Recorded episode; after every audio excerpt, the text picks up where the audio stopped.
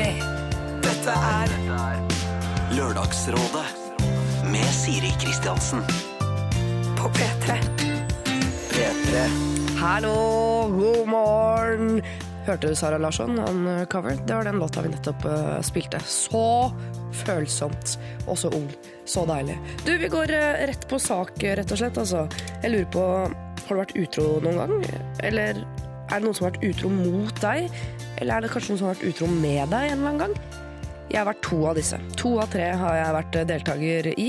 Og som representant for to av disse tre, så tør jeg påstå at det er få ting som er vondere enn utroskap. Og det kan være vondt ganske lenge.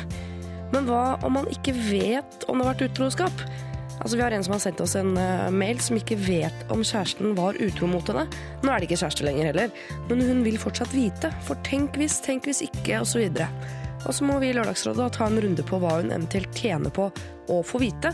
For det endrer jo ikke saken. De er jo fortsatt ikke sammen, og det som har skjedd, har fortsatt skjedd, og det som ikke har skjedd, har fortsatt ikke skjedd. Men da vet hun i det minste. Så får vi se da om det er verdt det, rett og slett.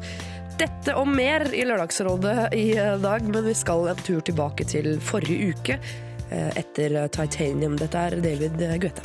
Lørdagsrådet På P3. P3. Tusen takk, David Guetta. Titanium er det. Han bringer veldig gode minner fra i fjor sommer, og faktisk min egen bursdag, om jeg får lov å si det selv. Men vi skal ikke så langt tilbake, vi skal en uke tilbake i tid, fordi da eh, var det et nygift par eh, som ba om råd. Og både de, tror jeg, og jeg selv inkludert, ble tatt litt på senga, fordi vi ba rådgiverne om hjelp angående en uh, bitte liten uh, sak de hadde.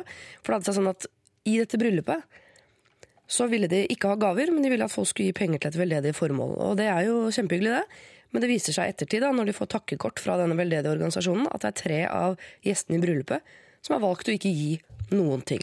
Og det anså de som noe frekt, da man kom jo sjelden i selskap eh, uten gave, og lurte på hvordan de skulle håndtere dette her. Og jeg hadde jo sett for meg at disse unnasluntrerne skulle få litt sånn smekk på pungen, altså virkelig. Men jammen så var det ikke brudeparet selv som fikk eh, smake pisk for en eh, uke siden. Du kan få høre noe av det. Nei, åh, De er tydeligvis personlig indignert, da, dette Ja. brudeparet. Og eh, jeg, vet du hva, Man må ikke ha så mye tillit til folk generelt. For da blir du veldig ofte skuffet.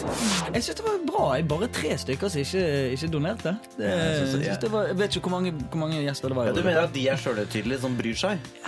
Ja, fordi det syns jeg. Jeg syns egentlig det. Altså, jeg, For det syns jeg. Herregud. Bare, det, er, det er hyggelig at dere er gode mennesker og vil gi til en god sak. For all del, hold på det. Men du, at folk ikke er så bra som deg, det må du bare Det må du bare tåle. flott at de velger å gi eh, gavene sine til, en, til et veldedig formål. Og så syns jeg vi skal være kjempehappy med at nesten alle gjestene har gitt, og så legger ballen død der. Hvis ikke det var seks gjester, så var det halvparten som ikke ga. Det er litt kjipt. Det det. Dette er Lørdagsrådet. på P3. P3. Vi har fått mail fra eh, det lykkelige brudepar som skriver Hei, takk for råd.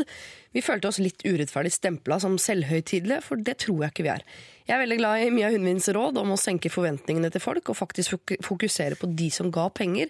Og som rådet sa, move on, hilsen Anders. Så de har altså moved on siden forrige uke. Nå er det deg som gjelder, og hvis du har et problem, så må du jo dele det med oss hvis vi skal kunne løse det. Selv om du selvfølgelig også risikerer å bli stempet som selvhøytidelig. Men det må du tåle. Send inn på SMS til eh, oss, P3 er kodeordet og nummeret 1987, eller så bruker du mail eller alfakrøll.nrk.no. Og du, så har jeg lov på Facebook at det kommer en eh, stor hemmelighet i dag, og den skal jeg fortelle, men ikke nå. Det blir først om kanskje ja, halvtime, en time. Lørdagsrådet med Siri Kristiansen. På P3. P3. Jeg er litt forkjøla. Men ikke bry dere om det. Det skal gå bra. Hilde Hummelvold, før programleder, nå lærer og i dag rådgiver. God morgen. God morgen. Du ser frisk og rask ut. Sminka meg. Ja, det, har det. det, er det er viktigst, siden jeg skal på radio og allting. Ja, men du har perler i øra, Ja, perler på armene og Jeg har vært på Mallorca nylig. ja. ja, du uttaler det riktig òg. Ja, men det, er, det har jeg strevd veldig mye med, for egentlig sier jeg Mallorca, men så har jeg skjønt da, etter masse trøkk, på at det er, det er Nå sier vi Mallorca. Vi sier Mallorca nå, ja. Dobbel L på spansk, J. J. Torbjørn Røe Isaksen, før Barn og voksen. Konservativist, hva heter man seg? Konservist. Kon konservator, Konservator. men det er noe annet. Ja. Konservativ, eh, Ja. kan man si. Og politiker. Og politiker, ja. Ja, god morgen. Levemann. Levemann. Er det, er det noe jeg skal bruke? Jeg bare synes det høres så fint ut. Eh, Koselig. Og Einar eh, Tørnquist, før Jeg aner ikke, men nå plutselig kongen av eh, nett-TV. Hei, hei. Hei, velkommen. Takk for det. Har eh, folk det bra? Eh, Altså Ja. dere, da. Ja. Ja, du vil ikke si det? Det er mye møte på deg. Ja, nå så hun på meg, eh, altså ikke på Einar. Jeg, jeg er i mange møter. Ja. Er det, liksom Er- opp, er det valgkamp den er i gang? Ja, den den er litt sånn smått i gang. Mange lurer på hva, vi, hva skal Høyre gjøre, hva holder dere på med, hva mener dere og sånn.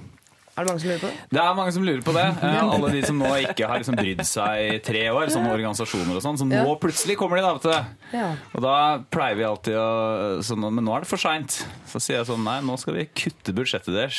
Ødelegge budsjettet deres. Vi har lagt ned firmaet deres. Ja. Det er kanskje ikke mulighet. Men det er Skippertaks-Norge. Det vet du. nærmer seg eksamen, og det er jo bare å begynne å lese flyveblader og i det hele tatt. Hva dere driver med. Jeg vet ikke. Er, er Tørnquist er det sånn kongen av nett-TV? Det er- For jeg, jeg tror nok det stemmer, for at det har jo, men det har jo vokst veldig sånn fra det små, og så plutselig så er det Nå er det jo større enn eh, Vanlig Altså, jeg TV. er stor på, de små, stor på de små markedene. Altså, jeg er jo ikke stor på porno for eksempel, ennå, eh, som er en veldig viktig del av eh, nett-TV. Men det kommer. det kommer. Men det går jo Sier dere at det går i reprise på Max? Ja, for det går jo, Vi har jo da sendt den episoden både på torsdag, fredag, lørdag og søndag på, på VG. Så kommer den deisende inn i en litt redigert versjon på Max. Ja, Så da sier dere på at nett-TV er på en måte Det er det som er viktig, og så er det noe greit på vanlig TV. Men det er litt sånn etterpå. Ja, det er liksom motsatt av folk eh, flest der. Men det er like, like moro å se på begge steder.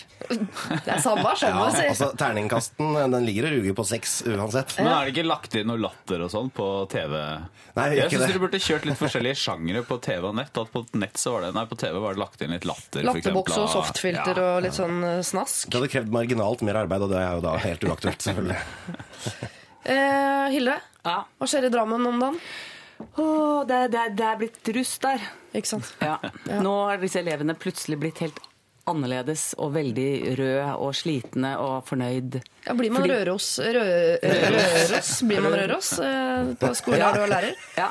De er veldig røde, de som manker i gangene hos meg. Og veldig uinteressert i å få oppgaver. Fordi Mm. jeg har nå skjønt at oi, det kan jo hende de skal opp i eksamen i tekstfaget f.eks. som jeg har. Ja. Så jeg dundrer på kan med artige små oppgaver. Og de blir stemt ned, for de skal til Stavanger. Så Ja. de kan ikke gjøre noe mer skole nå. Så jeg har skjønt at alt burde vært gjort før påske. Det burde jeg jo skjønt. Men fordi jeg er ny lærer, så har jeg ikke helt fått det med meg. Men blir du trist som lærer, menneske og, og mor over at ungdommen har gått på skole i tre år, og så bare kaster de det bort på slutten for å være fulle i døgn i strekk? Jeg driter i de andre, men unga mine de får ikke lov. Nei, men jeg, jeg syns jo det er tullete at ikke disse eksamene er ferdig før de er russ. Og du er enig med russen Jeg er der, om at du burde lagt eksamen før 17. mai? Selvfølgelig. Så det er jo så dumt at ikke noen Kan dere gjøre noe med det? Vi holder faktisk på å diskutere det nå, så kanskje.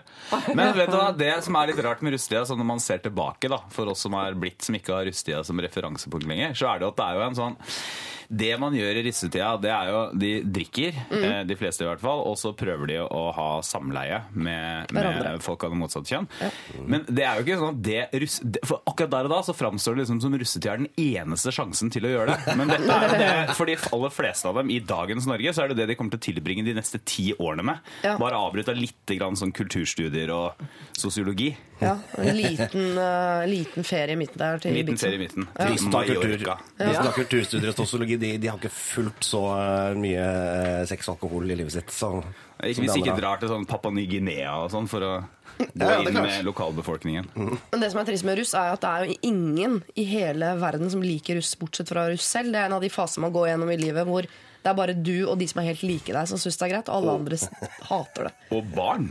Men barn liker jo russ. men de har ikke utviklet hjernen sin ennå. De går på autopilot fra fødsel eh, fram til de er sånn sexaktig.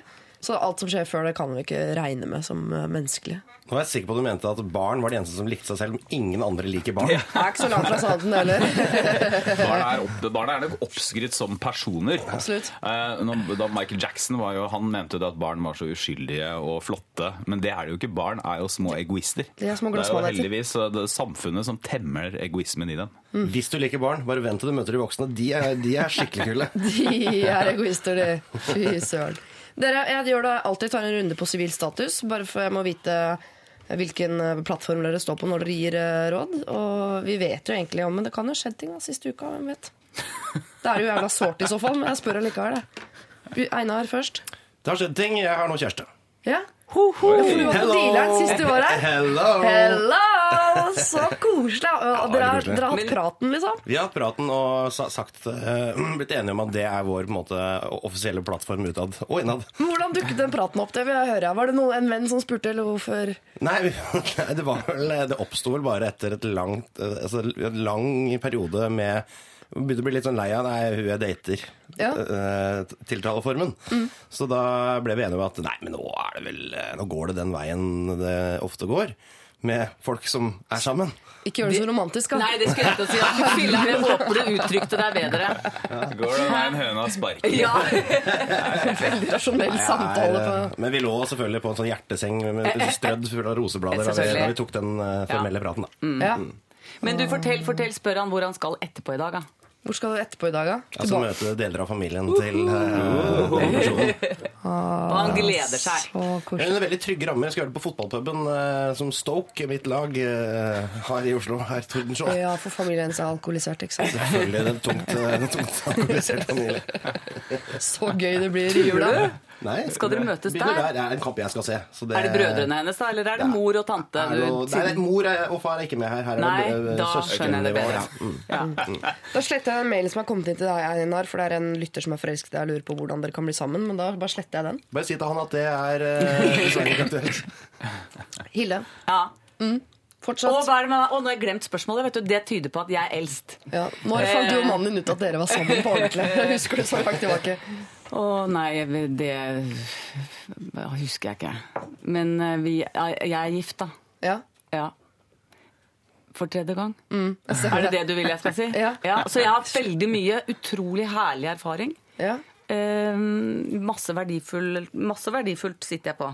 Ja. Masse eh, kjærlighetssorg, antageligvis. Masse kjærlighet. Alt. Ja. alt. Trøbbel og heft og plunder og, Åh, det er nesten så jeg ser sekken din. Er Nesten så jeg ser den. og masse moro. Det er kjempefint. Ja, du har vært russ tre ganger. Livet er herlig. Ja, så sa jeg. Og Torbjørn, er det noe nytt? Eh, Jeg venter jo på Jeg er, jeg, er gift. Ja. Ikke, eh, har vært gift i fortsatt under to år, Ja, men, men eh, gift for første gang. Ja. Og, og, og lykkelig fortsatt. fortsatt lykkelig. Fortsatt lykkelig. Har du hytte? Eh, nei. Husdyr? Eh, nei. Nei. Okay. Og, og, og, og, men jeg har et hus i Porsgrunn. stemmer det. Så, Odel? eh, nei, nei, nei. Bare et lite, lite hvitt hus. Hvor du bor? Ja, der jeg bor, ja. ja også, og en leilighet i Oslo. Så her er det, her er det stas. Ok, Det er andre veien. Den er litt slitt, den leiligheten din. Eh, Skal du pusse opp den, eller? Nei, den skal selges. Den skal selges, ja. ja, Ja, den slitte leiligheten på Bjølsen skal selges. Malt Så hvis folk er interessert tatt en tiliters med hvitmaling først. Ja, vi vurderer det. Får se om vi gidder. Jeg prøver bare å ymte frampå. Det har vært der, sånn jeg syns jeg er så stolt over det. Eh, Du eh, som hører på, det skal jo dreie seg om deg og problemene dine. Altså vi bare eh, liksom løster opp litt først. Eh, Send det inn på mail nrk.no eller SMS P3 til 1987. Lørdagsrådet På P3. P3 Turboneger, hvis det er lov å si det. Sell your body to the night, har du hørt her i Lørdagsrådet. Vi skal ta eh, morgenens første problem, og dagens rådgivere er Torbjørn Røe Isaksen, Hilde Hummelvold og Einar Tørnquist. Er dere klare? Ja. Ja. Ja. Er det flere? Er du også forkjøla, Einar? Nei, Du har bare grums? jeg har allergi som utgangspunkt. Pollen? Pollen, eh, ting som bjeffer, og eh, mat som er nøttete. Ja, da skal jeg slutte å bjeffe. Um, ok, jeg leser. Jeg sitter med et lite problem. Eh, Jeg er redd det egentlig bare eksisterer i mitt eget eh, hode, derfor tenkte jeg å lufte det med dere. Jeg hadde en kjæreste i halvannet år, og før jul bestemte vi oss for å flytte sammen. Da jeg dro hjem til familien for å feire jul, så møtte han veggen. Han orka ikke å feire jul med sin familie, og heller ikke komme til meg. Da jeg kom tilbake etter jul, kunne jeg merke at han hadde forandret seg. Han var kort og kald, og etter to dager gjorde han det slutt. Sa bare at han måtte finne ut av ting på egen hånd, og at han ikke kunne ha kjæreste akkurat nå. Dette kom som et sjokk på meg, og vi har ikke hatt så mye kontakt i ettertid, men den kontakten vi har hatt, den har vært god.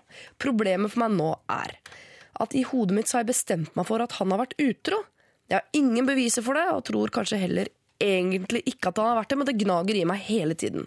Jeg har lyst til å spørre han, men jeg er livredd for svaret. Samtidig som jeg vil føle meg så dum hvis han ikke har vært det.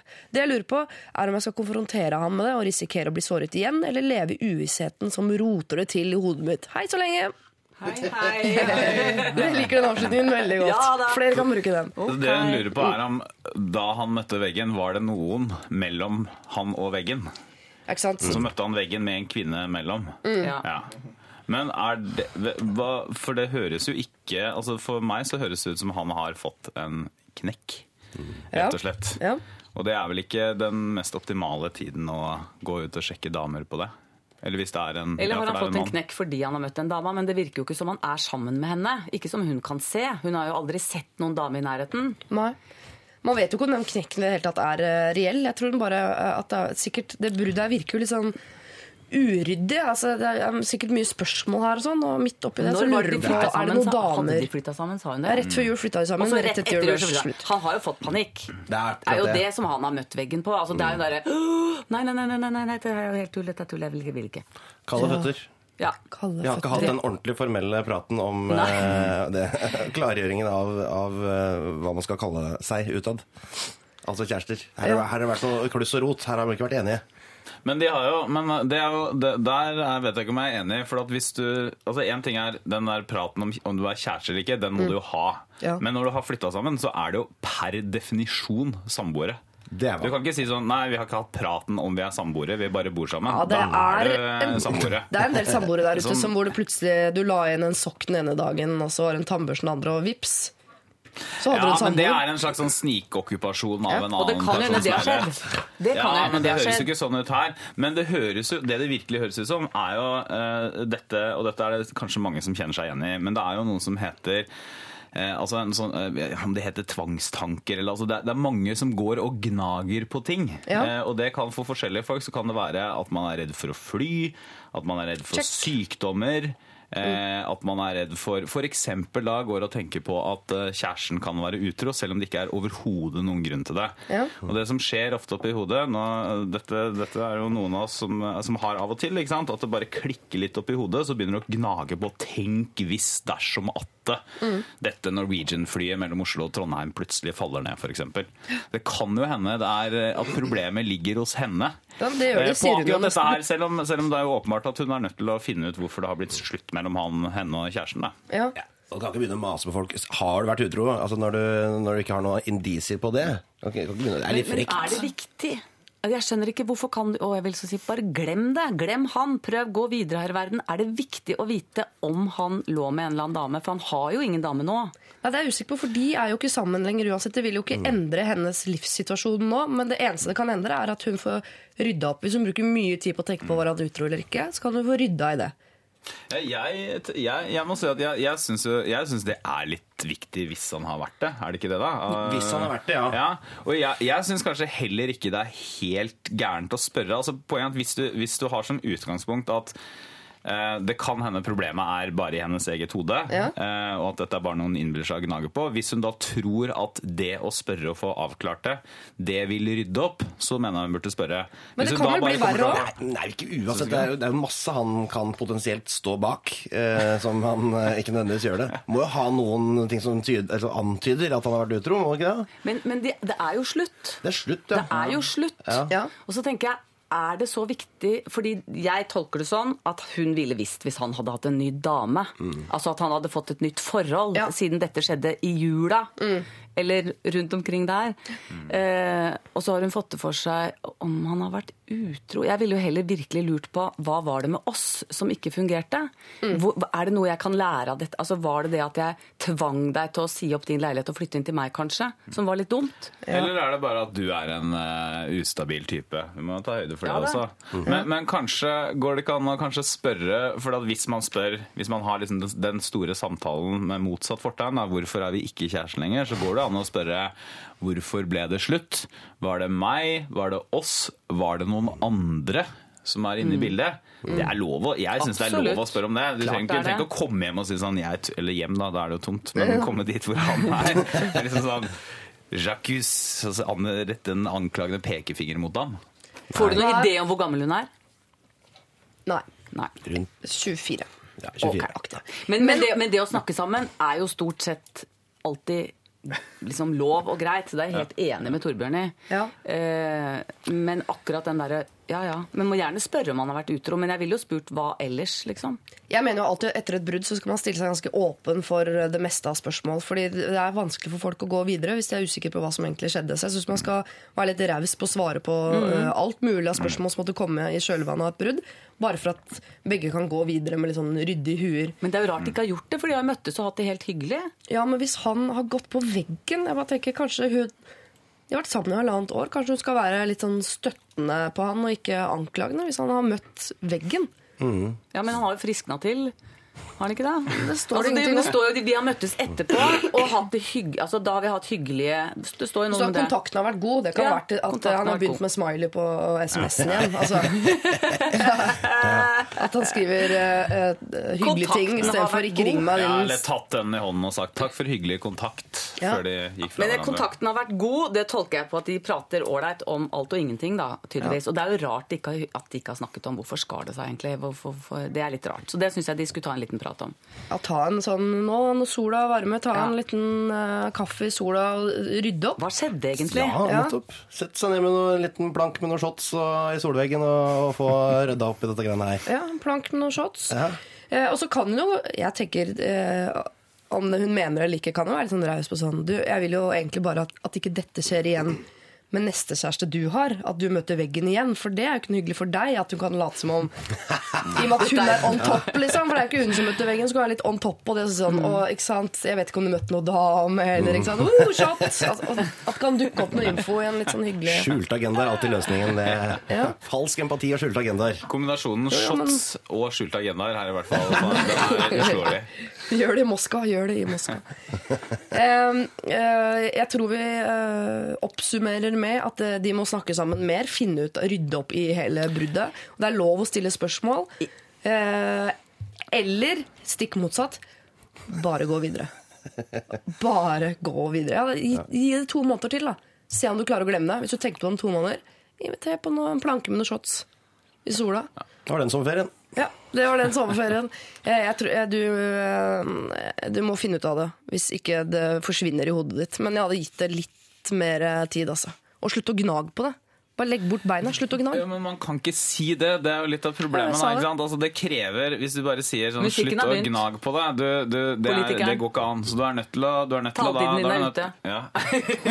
Liksom Dette er Lørdagsrådet På P3. P3. Daft Punk har funnet Pharrell. Pharrell har funnet eh, Daft Punk, og sammen har de laget eh, Get Lucky. En fantastisk eh, låt som gjør at eh, den blaserte generasjonen vi er midt i, plutselig har oppdaget funken igjen. Jeg syns det er deilig. Ok, Vi har snakket om eh, og med vi så mener jeg Hilde Hummelvold, Torbjørn Røe Isaksen og Einar Tørnquist. Vi har vært innom eh, russetida, har vi nevnt. Fordi du er lærer, Hille, Ja. og noen av elevene dine er russ. Eh, og så har vi også nå prøvd å eh, råde en jente som er eh, med rett etter et brudd. Ikke sant?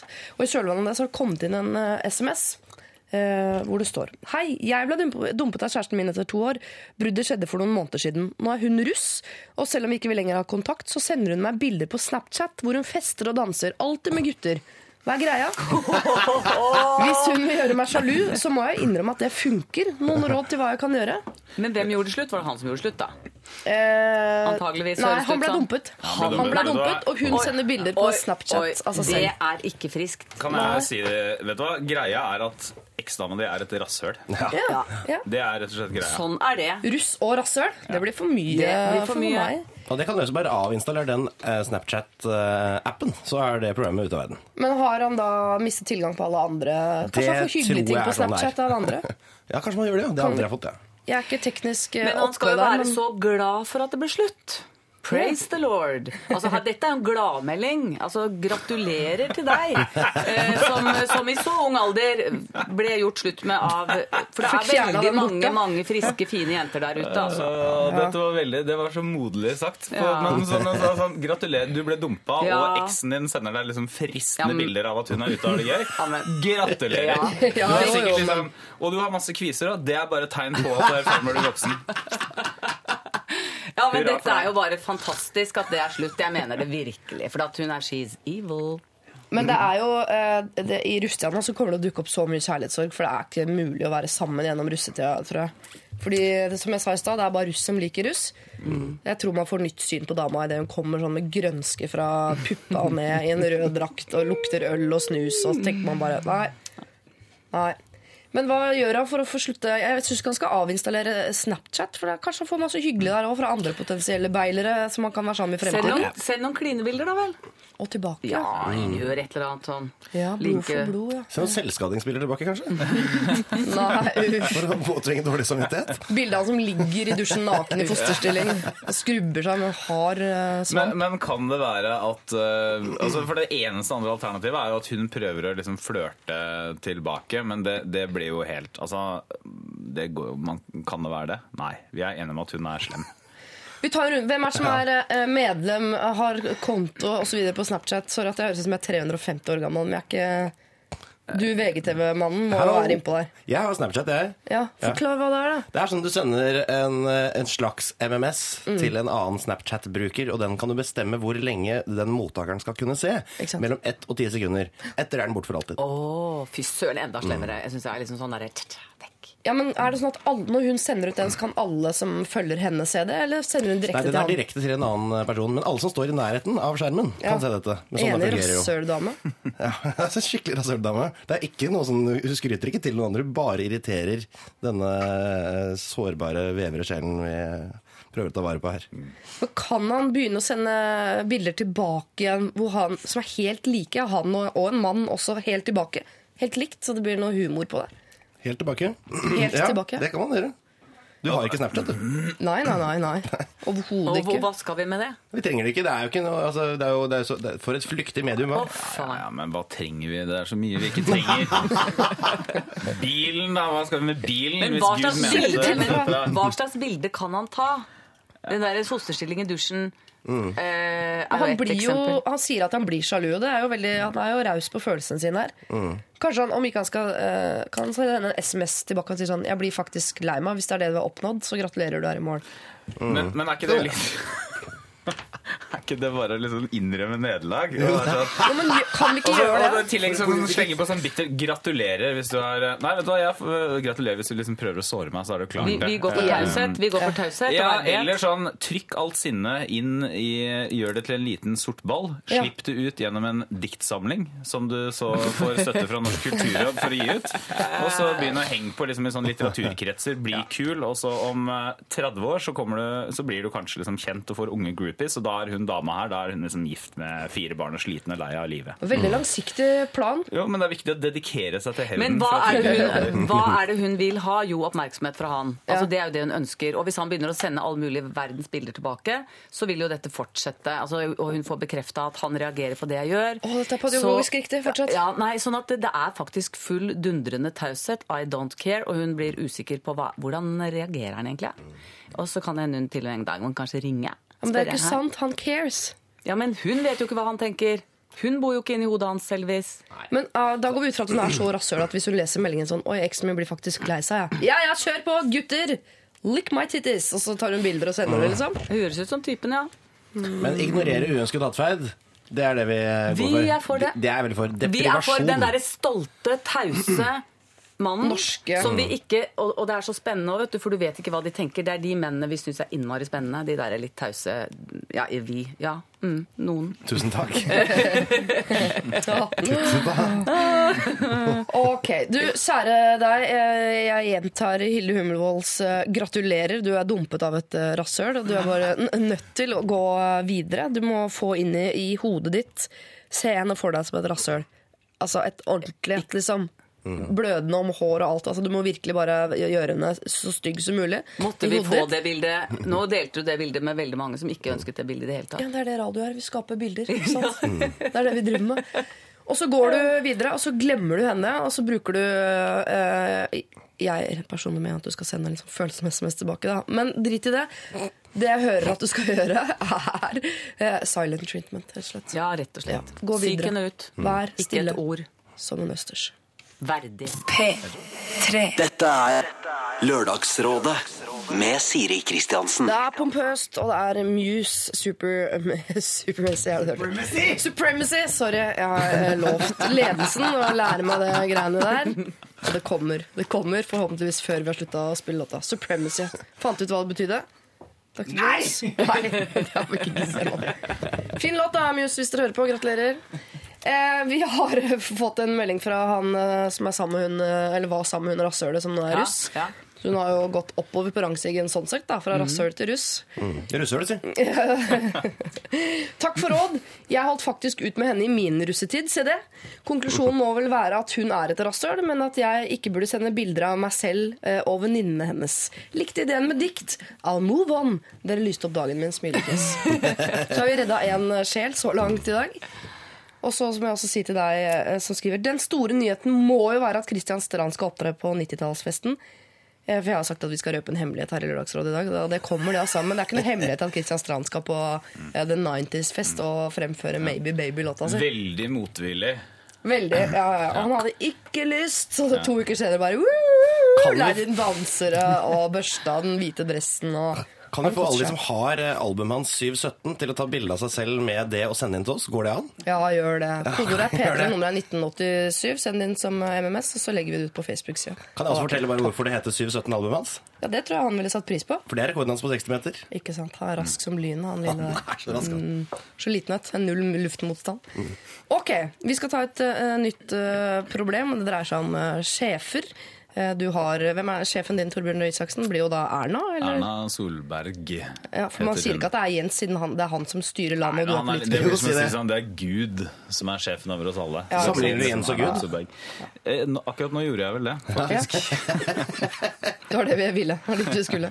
Hvem er sjefen din, Hilde Det vil jeg si er Randi Årskaug. Hun er rektor. Nei, men hun er avdelingsleder der jeg er. Og rektor er liksom enda mer uoppnåelig. da. Ja, Som Jens Stoltenberg. Er? Ja, ja, ja, ja. Ja. Eh, hvem blir sjefen din, da, Einar Og det er mange. Det er Joakim Førsund, eh, Trond Kvernstrøm og Torry Pedersen. Ikke sant. Torje er øverst. Torry, vet du hva? Det er, Det er et det er, det er et utrolig morsomt navn. For at, ja, Er det et pseudonym? er en. Heter Torry Pedersen, som da er sånn VG-redaktør, heter han Torry? Ja, jeg Og tror han hvor heter kommer navnet fra? Det, det kommer fra Hvor hvor kommer det fra? Guinea-Bissau? jeg. Jeg tipper mammaen til Torre hadde en hund da hun var barn som var så innmari glad i, som het Torre, Så når hun førstefødte skulle hete det samme som bikkja. Sånn type ting. Man får ikke sånn Kom da, Torre! Ja, kom da, Torje! Ja, kom da. Det er jo et sånt navn. Det er absolutt det. Ja, Vi går videre til et eh, problem som er ganske langt og innholdsrikt. God morgen, kjære Lørdagsrådet. Jeg har en sjef i begynnelsen av 20-årene som hele tiden skryter av hvor mange ganger han har trent denne uka, hvor mye han løfter, hvor mye han har vokst osv. Han fisker så mye etter komplimenter og bekreftelse at jeg blir kvalm. Jeg hadde f.eks. medarbeidersamtale med han, og der spurte han meg hvordan det gikk med min trening. Jeg svarte at jo takk, det går bare bra, og deretter legger han ut i det vide og det brede om treningen og fremgangen hans, uten at jeg hadde spurt. En på jobben hadde vært på ferie i tre uker, og da han var tilbake igjen, hadde han lagt på seg en fire-fem kilo. Da kom sjefen bort til meg og sa Kristian har lagt på seg fire-fem kilo etter ferien, han. Det har jeg òg, men i muskler. Og så ler han. Stramme biceps og kvalmer seg til. Han har hele tiden noen ubrukelige piller som han tror skal gjøre underverker. Han er av utenlandsk opprinnelse, tyrkisk, hvis det har noen betydning. Jeg prøvde litt forsiktig en gang å si at han var fæl til å skryte, men da surna han fullstendig. Og det største problemet her er at jeg er vikar og er redd for plassen min hvis jeg gir beskjed om at han må slutte å snakke om treninga si så mye. Hvordan kan jeg finne en fin måte eh, å få denne selvskrytingen til å slutte på? Hilsen frustrert vikar. Kan jeg bare si sånn fra politisk side, som Ja. arbeidspolitisk talsmann i at- Nei, men det var ikke det jeg skulle si. Nei, det har jeg heller ikke. Men uh, hvis, du, du kan full, hvis du får sparken etter å ha klaga på at sjefen din skryter for mye, så er det en grovt usaklig, usaklig oppsigelse. Det er ikke lov. Så da må du sende en SMS, så Ja, men skal vi ta det opp. når du er vikar? Jo, men det har ikke noe å si det. Har det ikke? Nei, nei, du kan ikke, bare, du kan ikke sparke en vikar fordi at uh, du klager på en Nei, men Ja, når vikariatet går ut, så blir det ikke fornya, ikke sant? Det er, men det også, er, eh, skal, det også skal grunner til for at du ikke kan fornye et vikariat. Og nå sier man at dette her er liksom ikke Det er ikke Telenor med ryddige former og instanser Men å er gå det en til, for det er en sjef på 20, så vi snakker liksom Ja. eh, eh, Burger King på slepeenden. Altså, ja, Det tror jeg vi snakker om. Men du, er det jente, eller er det gutt? Eh, Hun er gutt. Sjefen er Nei, hun er Hun er gutt, Hello, good morning. Hun er jente. Hun er jente. Sjefen er gutt. Mann. Skråstrek. Men jeg fatter ikke at jeg har så mye tid til å prate om dette her i det hele tatt. Så det, det hadde vært veldig artig å vise litt hva slags bedrift snakker vi om her, altså. er definitivt et, eh, en, en liksom liten avdeling i noe større, for ellers har de ikke hatt sjefer i starten av 20-åra. For de, de har ikke starta sitt eget vellykka firma. Det har de aldri. Det har de ikke. Nei. Nei. Så dette er, det er Burger King på slepen, som du sier. Ja, det er noe okay. sånt. Ja. La oss si det er det, da. Der er de ikke så opptatt av treningen. Nei, det er sant. Men, eh, ja, hva skal man si, da? Det er, eh, det er den verste type folk jeg veit om. Ja. Ikke tyrkere, altså. Eh, Nå mente jeg de som skryter av hvor mye de har trent. Ja. Og han gjør det ikke på Facebook engang. Han gjør det altså ute i den virkelige verden. Det vil jeg ikke utelukke at det kommer et eller annet eh, som tikker inn på Facebook òg. Kanskje det òg. Hvordan skal du få han til å, å, å slutte? Vet du hva? Jeg eh, tror den deprimerende konklusjonen er at det går ikke an. Jeg tror, altså, i, I livet så må vi forholde oss til mange typer mennesker, og dette er jo altså, Det er en dårlig egenskap å skryte. Det er en enda mer irriterende egenskap å skryte hele tiden av hvor sprek og fitt og bra man er. Ja. Men det er jo sånn vi bare må leve med, er det ikke det? Jo. Hadde vi hatt svar på dette, her, så hadde vi vært millionærer nå, Ja. alle sammen. Men dette her syns jeg var vanskelig. Og så tenkte jeg, kan hun ha musikk på øret? Liksom, kan, kan, men det, blir vel, det får hun vel ikke lov til. Men, ja, rett og- hver gang han eh, begynner å snakke. Nei, men sånne små som bare er diskré, liksom. Sånn at hun bare kan sitte og nikke mens hun digger musikken. på en måte. Men, men for det går jo ikke an å få dem til å slutte. De folka der kjenner vi. Ja. Du får dem ikke til å slutte. Det eneste måten er jo da at de blir Og og når de folka blir sure, da er du jo sjanseløs. For de blir jo aldri blide igjen. Det er langsint, er overskriften. Ja, fordi jeg, Noe sier meg eh, at det er mye stolthet i dette her òg. For han prøver jo å fremheve seg selv veldig. Og hvis du pirker borti stoltheten hans da kommer da, Hun sier at han surna fullstendig en gang. Da surner han herfra ut. Altså, da er Mm. Så det det er jo ikke noen liksom. løsning, vet du. Han har stabla altså eh, en selvsikkerhet på et utrolig tynt grunnlag, og når du rokker ved det, så, så blir han redd og sint. Ja. Og da, da vil du eh, Du vil ikke ha en redd og sint sjef i begynnelsen av 20-åra. Nei, det vil du ikke ha. Som i tillegg er veltrent. Ja, ikke sant? Men det er jo Men det kan jo hende at dette er en måte altså Litt sånn som andre snakker om været, så er det vel sånn at folk som trener mye, snakker om trening, er det ikke det? Da er det altså jeg legger merke til at veldig Nå er jeg, ikke jeg, det kommer kanskje som et sjokk, men ikke en supertrener. Men eh, jeg legger merke til at de gangene jeg likevel havner i sånne treningssamtaler, så er det jo en sånn Det er jo et element av skryt der bestandig. Selvfølgelig. Det er jo det. Men Det er det. vet du hva? Jeg kommer på det eneste som kanskje kan hjelpe, er motsnakk. Når han begynner å snakke om fitt og fett og sånn, så kan hun begynne å snakke om noe hun kan snakke mye om, f.eks. katten sin. Ja, som er ja, altså når hun da sier, liksom. For de folka som aldri lytter, vet du, du, du, du vet åssen de er, som da plutselig Ja, ja, ja, ja. sier Men du, du, helt annen ting. Men katta mi, altså du, den er fire måneder da, dritsøt, og vet du hva den gjorde i går? Så liksom bare plutselig kom den hoppet opp på beinet, og jeg bare skrek, og så så liksom katten også bare rett inn i liksom puppen, og så bare enda, æ, ikke sant? Og så, å, den er så nydelig, vet du, jeg skal ta bilder i morgen, skal du få se. Og så fortsetter han eventuelt, hvis han har konsentrasjon nok til å klare å finne igjen det der treningstemaet. Hør, hør, altså. Så begynner hun, men du, den Nusse, den katten, Ja. det den liker aller best, for at den har brukt sånn der våt kattemat og fått den maven, ikke sant? Så det gikk jo ikke. Men nå har jeg gått over på noe tørrfôr, og du burde ikke kjøpe det på Rimi, du burde gå til de dyrebutikkene. Dette tror jeg er løsningen. Dyrisk Hilde vet altså råd. Dette tror jeg er løsningen. Motsnakk heter det. Motsnakk. Like Ja. kraftfullt. Uh, finn deg bare et tema du kan snakke mye og uinteressant om, og så kjører du det. For det er jo bare å, å være superblid og kjempeengasjert i Og vær, ditt og vær forberedt på å miste alle vennene dine på jobben. For da er det én ting folk misliker mer enn de som prater om trening. Så er det de som maser om de hersens kattene sine hele tida. Katter er ikke unger. Nei. Nei. Hva sier du med en gang? Nei det, Men hun tar det jo bare med sjefen, da, og man må ikke være venn med det sjefen sin. virker sin. som sjefen har mye tid til å stå og henge med henne. Hun er fanga der på sentralbordet. ikke sant? Ja. Hun, hun kan ikke gå heller, får jeg følelsen av. Og han henger der og prater.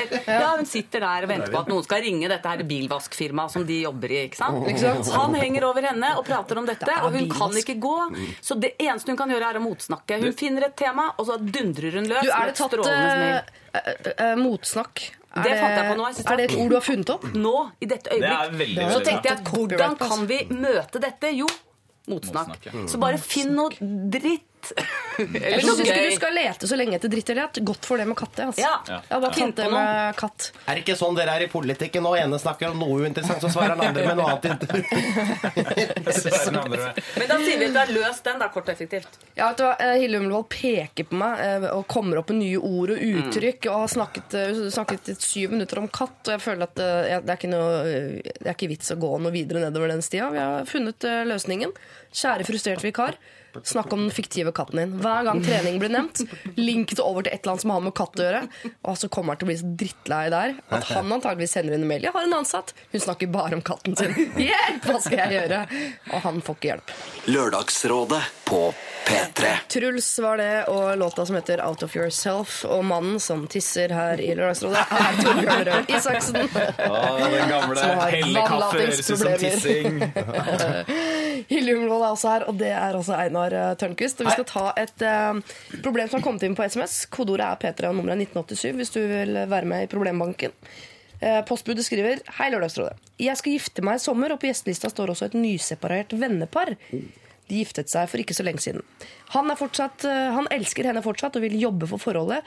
Hun har vært utro og vil skilles, med andre ord ikke interessert. Hvordan skal vi plassere disse to ved bordet så det blir best mulig for begge? Med ryggen til hverandre. Er det mulig å få det i to etasjer? to etasjes. Hvis Ja, kaka men er de må toetasjer, for så skal del ikke ha øyekontakt. Så hvis de begge skal komme, så bare De har vel en del gjester, så bare plasser dem med ryggen til hverandre, og så får de ordne opp i å ikke se hverandre når de reiser seg etterpå. Var, var du Ja. ferdig å lese opp? Ja, ja, ja, det var hele, ja. Definitivt For. Hilde er liksom på en sånn Hun er Ja, på the flow nå, føler jeg det er løsningen på alt. Motsnakke, så- Du har en del egne private greier òg, Ja, som du jeg skal har få vært bryne med, deg på. vært med på det. Men eh, postbudet er jo veldig hyggelig, og han eh, tar hensyn til de, men jeg tipper at han er litt interessert i seg selv og kona, så at det ikke skal bli en issue for dem at det er to sure katter i studio. De kommer til å krangle i løpet av det bryllupet. Ja. Spar det så lenge som mulig. Ja. Vent til de har eh, begynt å knuse champagneglass og liksom true hverandre med stetten og sånn. Få dem rygg til rygg Ja. i hele kake- og taleseremonien, og så får det heller bare smelle etterpå. Smelle på dansegulvet. Ja. Dette er jo et veldig vanlig problem. Da jeg gifta meg også, så var det et par som, som skulle i bryllupet, som da hadde skilt seg eh, like før. Og begge kom. Ja, begge kom. Eh, og det er jo, men, det, men de var ikke noe fare for at de skulle sånn, gyve løs på hverandre med smågaflene fra forretten. Men det, allikevel så Man må jo da plassere de litt sånn unna hverandre. Men det som gjør det komplisert, det er jo at ofte så vil man jo plassere, ha sånne enklaver med liksom litt folk som kjenner hverandre. Ikke sant? Ja. Hvis man ikke bare skal sitte med gamle tanter og onkler og sånn. Og disse parene er jo gjerne en del av samme vennegjeng. Så da er det jo én som får den dårlige plasseringa. Det er jo det som er vanskelig. Ikke sant? Én må sitte med tante Brunhild. Det er hun utro for deg i postbudet. Ja. Ja, det er jo ja, tante Brunhild eller Er ikke tante det en helt vanlig tante, da? Dagny eller noe sånt. da. Men hun, ja, det er, det er jo ikke nødvendig, for det kan jo hende at de egentlig liker hun utro best, selv om hun har vært utro. Ja, men Del Som- splitt vennegjengen, da. Men poenget er de må sitte med ryggen til hverandre med god avstand. Fordi selv om de sitter kjempelangt fra hverandre, men kan se hverandre, så vil jo en kilometers Altså, de vil sitte og skule på hverandre uansett. Så bare ryggen til. Men er jeg, det, er det, jeg tipper eh, Jeg vet ikke hvordan det var for dere, da, Torbjørn, men dere kjente tydeligvis begge to like godt. For det må være lov å si sånn Du er jo først og fremst invitert fordi du er kona til kompisen min, men nå er du jo ikke det lenger, så kanskje du skulle finne på noe annet den dagen? men det går jo bare Men eh, ja, hvis det går, så er det jo, da er det jo på en måte naturlig. Men det er veldig rart å trekke tilbake en bryllupsinvitasjon. Det er en helt ny problemstilling. Ja, det er en ny Men jeg tror jo det store problemet er jo i den, dette tilfellet Det er jo ikke at de begynner å krangle, men det er jo at det blir grining. Ikke sant? Bryllup er veldig følelsesmessig for veldig mange. Og når han da utpå kvelden har fått i seg en tre-fire glass hvit rødvin og hvitvin og, Hvit rødvin. ikke sant? Og, og en irish til dessert og sånn, og så ser han at eh, kona eller eksen eller noe sånt står og prater med onkel Tom. Tom, Ja. som er ung og sprek og i hvert fall ser bra ut til å være 44, da. Ja. sier alle til Tom på jobben. Ja. Da kan det fort bli grining. For han trener en del, vet du. Ikke sant? Da blir det grining. Det verste er jo hvis han reiser seg under en tale og er så rørt. Sånn, det er så mye fine taler. Jeg husker jeg er ikke mer enn et år siden jeg gifta meg sjøl. Jeg fikk jo samme talen, jeg. Men hun Røya hun var utro hun, med en på jobben, og det gikk som det gikk. det. Ta vare på hverandre!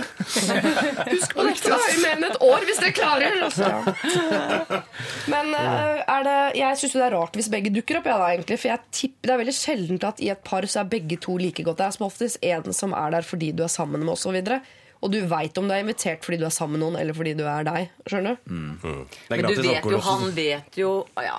Nei, jeg tenker de, dette paret vet vel selv også om vi orker dette. Ja. Men Går det an å ta en samtale og sier sånn eh, Dere har det jo litt vanskelig nå. Det- det er- Hvor vil dere sitte? Hvis det er sånn at Nei begge kommer, det er med ryggen til. noe Det er, det er liksom ikke noe å lure på. Bør ikke plage dem med det. Men du kan jo ta en prat med hun dama og si du, din du vet jo at Per Ja. er kjempelei seg fortsatt. Um, vi vil jo gjerne ha deg i bryllupet for vår del, men er det, er det kanskje dårlig gjort overfor Per? Altså, Du må jo kunne gå an og prate med henne og si at jeg er redd for at han får det innmari tøft den dagen. altså. Men er det når du sitter midt oppi planlegging og skal ordne kaker og mat og sånn, så skal du liksom i tillegg ta på deg å være sånn halvsamlivsterapeut Ja, for to ja. voksne venner? to venner? er det men... det du gidder å ha, Ja da, Vi, bruke tid på Vi damene gidder det, vet du. Det er stress nok med onkel Tom og tante Brunhild og den gjengen der. Tante Det er vanskelig, vanskelig å holde, holde styr på bare dem. Men kan man sende en SMS, da? Eh, Nei. I og med at det er du som har vært den kjipe i dette bruddet, så har vi satt deg sammen Nei. med tante Brynhild. SMS er ikke noe ålreit. Det spiller ingen rolle hvor de er satt. De, det, fikser, det er jo det letteste, Siri. Hvor de sitter, er lett. Mm. Men det kan hende at det, man skulle tatt en liten prat med hun Katrine, da. Ja. Og sagt at du vet jo hvor nedbrutt Per er. Og, og liksom, eh, har du tenkt grundig gjennom b- b- vi, altså det bryllupet Tror kanskje han ville få det innmari mye bedre hvis du ikke dukka opp, faktisk. Men, ja, jeg, Det er tøft hvis dere tør å si det. Jeg synes det skal det være er ja. tøft, det er helt logisk. Mot, nei, Jeg sier, Dette er min store dag. Jeg har ikke veldig lyst til noe sånn drama og stett-stikke-konkurranse på dansegulvet. eh, Så enten så Ja. Kanskje en av dere burde det, vet du hva? Det, jeg mener at det går ikke an. Er det sant? nei, når du først har invitert, det blir da, altså, da, Eller hvis ikke, hvis ikke, da er du i hvert fall så tøff at da sier du vet du hva, jeg vil ikke være venner med deg lenger. Mm. Du er ute av livene våre. Det- det er For det er ikke- det du sier. Nei, Uansett, du sier sånn Vi skulle gjerne hatt deg her, men kan du holde deg borte? Altså, det er, sorry, altså, da Ja, sier men du det er bare da, det er da veldig mange måter man kan si dette på, Torbjørn. Jo, men- Du går jo ikke si det sånn. Det dreier seg bare om politisk vilje. Det er ingen måte du kan si dette her på Jo, som de ikke meg underteksten er. Vet du hva, vi er ikke venner lenger. Nei, det handler ikke om det. Det handler om at Per, som skal være forlover, han er jo nødt til å komme. ikke sant? Det er bestevennen. Han er nødt til å komme, og spørsmålet er for Pers skyld. Hva tror du, Katrine? Tror du, Du, han du vil tåle legger på premisser her. Du, for å få det du ser sier det til for høres meg. fornuftig ut. Ja, det gjør jeg. Per er bare vanlig gjest, han er ikke forlover. Per er bare en eller annen sånn gammel kompis fra videregående. Ok, ok. Ja, men hvordan vet du det? Nei, jeg tror ikke, Tom. men og- eh, ja. Ok, eh, De må plasseres med rygg Postbud. De må plasseres med ryggen fra hverandre. Eh, og det er lov i forkant av bryllupet å ta en liten snakk om det går på eh, Er du eh, sikker på at du skal komme praten? Eller om det går på skal vi roe ned på spriten-praten? Eller i hvert fall Jeg syns det er lov å si fra på forhånd sånn Jeg vet at dere har det tøft nå, men kan vi ta det på utsida av Kan dere prøve å la være å fucke opp bryllupet mitt? i hvert fall da Si det på en litt hyggeligere måte enn det jeg sa nå. Eh, Det må være lov, men hvis begge kommer, plasser de langt fra hverandre med ryggen fra. Splitt gjerne vennegjengen. Ja. Eller plasser enten drittsekken, Katrine, da, eller, eh, eller den som er mest flink til å snakke med hvem som helst, sammen med tante Brynhild. Og så tar vi det derfra. Og ingen taler på noen av de. Nei, Så Nei, sånn. Det er ikke lov å holde tale. Er. Toastmasteren må vite om dette, altså. At de to som kommer sånn Du, jeg har lyst til å si noen ord. Rett. Talelisten er full. Men hei, er det ikke derfor vi har forlover og toastmaster? er det ikke de som skal Er det ikke forlover eller toastmaster som skal sende ut Ja. SMS-en i forkant? Dere har det jo litt vanskelig nå, så jeg har strøket dere av talerlista. Kan man outsource den vanskelige Toastmasteren har mye, kan gjøre mye rart. Og bry seg borti. ja, jeg tror Men du det skal bør ta være et litt klokt menneske, da. ja, en med litt muskler. Både med mentalt sånn- og fysisk. Som er toastmaster. En som er veltrent. Men du, Postbud, gratulerer. da. Så hyggelig at du skal gifte deg. Det syns jeg er veldig fint uh, oppi det hele. da. Send inn problemer du òg. Det er kodeordet P3 1987 eller LR-alfakrøll nrk.no. Lørdagsrådet På P3. P3 Big Bang var det der. Welcome to the mountains. Uh, Og du fortalte Einar, at Big Bang har en trommis som skyver trommer. Det Det er jeg for meg. fortalte. Ja. Det er vanskelig å illustrere uten disse fancy bevegelsene jeg gjør nå. Prøv. Hvis du vil se bilde av den mannen som ligger på Facebook om bare noen minutter, da skyver han ikke trommer. Han står ved siden av Hilde Umlevold, Torbjørn Røe Isaksen og meg selv. Jeg lovte når vi først er inne på Face, jeg lovte jeg på Facebook i går eftas eh, å kunngjøre en eh, nyhet her i Lørdagsrådet i dag. Og eh, folk har gjettet på at jeg endelig har blitt fridd til, og det er feil. Det har jeg altså ikke. Det ville ikke vært hemmelighet mer enn i et nanosekund. For jeg hadde ringt VG sjøl og sagt sånn Legg det ut! Jeg må få sagt fra til flest mulig. Så det er det ikke. Nyheten er at eh, til høsten, altså høsten 2013, så skal eh, du og jeg, kjære venn, vi skal på televisjon. Altså. Lørdagsrådet har eh, fått en lillebror, rett og slett, og lillebror skal på TV. Og det er ikke sånn at vi dreper førstefødte. Vi dreper ikke Lørdagsrådet på NRK P3 på noe som helst tidspunkt. Lørdagsrådet skal være her hver lørdag til evig tid. Det påstår jeg nå. Eh, Men vi skal altså en tur innom TV i tillegg. På NRK3 midt i uka en eller annen gang. Vi har ikke, gitt, vi har ikke døpt dette barnet, vi har ikke gitt det noe navn. Eh, Kanskje blir det hetende Lørdagsrådet, eller kanskje blir det Rådet, eller hvem vet. Det kommer i hvert fall på NRK3 i løpet av høsten. Det vi vil, er at du skal eh, være med. Og da må du gi problemet et ansikt, ditt eget ansikt. Eh, Du og en du har problemer med, gjerne, må stille opp eh, sammen, slik at vi, da, Lørdagsrådet, den nøytrale tredjepart, altså den, den vennen du ikke trodde du hadde, en gang skal, forholdet skal plassere skapet og si hvem som har rett, hvem som må føye seg, eh, hvordan kompromisset må inngås, hvem som er vinneren, hvem som er taperen, hvordan vi skal løse floka du står eh, midt oppi. Eh, hvis du er interessert, så sender du en mail til en splitter ny mailadresse her i NRK-systemet, som heter Siri alfakrøll nrk.no. Ganske fancy. Og så kan du lese mer om det på nrk.no delta, hvis du har lyst til å være med da, på Lørdagsrådet på, på televisjon til høsten. Nok om det. Eh, Nå skal vi dreie, dreie det over på NRK på radio, før eh, radioen blir sjalu. Eh, Og da er det den gode, gamle adressen som gjelder. LR-alfakrøll. nrk.no, hvis du vil bare ta det på radio. Hvis ikke du ønsker å gi problemet ditt et fjes. Dette er Lørdagsrådet På P3. P3. Annie er tilbake, denne gangen sammen med Ralph Myers, og hyggelig er det for hun og dem og oss. Take a look at the world, har vi hørt. Um, kjære Lørdagsrådet består i dag av Einar Tørnquist. Eh, God dag. Har du det fortsatt fint? Jeg er topp, eh, toppform, jeg. Er det noe som mangler? Kjæresten, han har jo helt ny kjæreste. jeg savner kjæresten. Ja, han gjør det, vet du. Vil du sende en hilsen, eller? Nei. Nei. Fordi det er teit, eller fordi du ikke vet hva du skal si som vanlig? Begge deler. Ok. Ikke sant. Hilde Humlevold, vil du sende en hilsen hjem til Jeg vil sende sende en hilsen til Ingrid, som akkurat sendte meg en SMS med Ja. at wow, du er på radio, hallo, hvordan skjedde dette? Det er stedet, eller hun har ikke fått med seg hva du drev med før, eller? Bonusdatteren min. Ja. Kjære Ingrid, hei. Det var jo en måte å få sagt liksom hei til deg, for hun bor i Bergen, og så har ikke jeg vært og besøkt henne ennå. Så dette var en måte å liksom få kontakt med deg på, da. Hvor lenge har du bodd i Bergen uten at du har vært der og besøkt? Siden august. Ja, ja, Er dårlig, dårlig, Det er litt dårlig. dårlig, ass. Dårlig. Ja, ja, du Ja. vet, ja, den der, hva heter det, det er pingviner der, og Og så nå blomstrer snart de der kirsebærtrærne rundt Lille Det Lundgårdsbanen. Hardanger. ja, men det er de japanske epletrærne, da? De rosa, ja. ja. Så det kunne jo også være en god grunn til å dra til Bergen. Så Bergen er japanske epletrær, kirsebær og pingviner. Og Ingrid. Og Ingrid. Du verden. Ikke glem Ingrid, han er Nei, nøl hvis du kommer hjem og så Ja. Fader, jeg visste det var et eller annet jeg skulle. glemte Ingrid. Ok, Ingrid, god morgen. Uh, Torbjørn Røe vil du sende en hilsen til Telemark eh, kommune? Eh, til Telemark kommune. ja. Du er Jeg veldig kaller det bra. det. Jeg, kan, jeg, Ja, jeg, jeg, eh, gir taletiden min til folket. Åh. Det Er du fra Telemark? Torbjørn for Tusen takk. president. Fra Telemark, ja. Hvor er du fra? fra Porsgrunn. Porsgrunn var det vi ble enige. Samme som Didrik Solli Tangen. Samme som Didrik Solli Tangen Ja, ja, ja. og broren. Eh, han Inge Emil Solli Tangen. Emil Solli Tangen. Det skulle vært rart om bare Didrik og ikke Emil var. Fridtjof Fomløsen. Jeg kan si én ting eh, om eh, Jan brødrene Otto Solli Johansen. Tangen. Jeg var i bar overkropp sammen med brødrene Solli Tangen i går. Ja, Hva som skjedde der, det får vi se mer til en annen gang. Ja, så morsomt.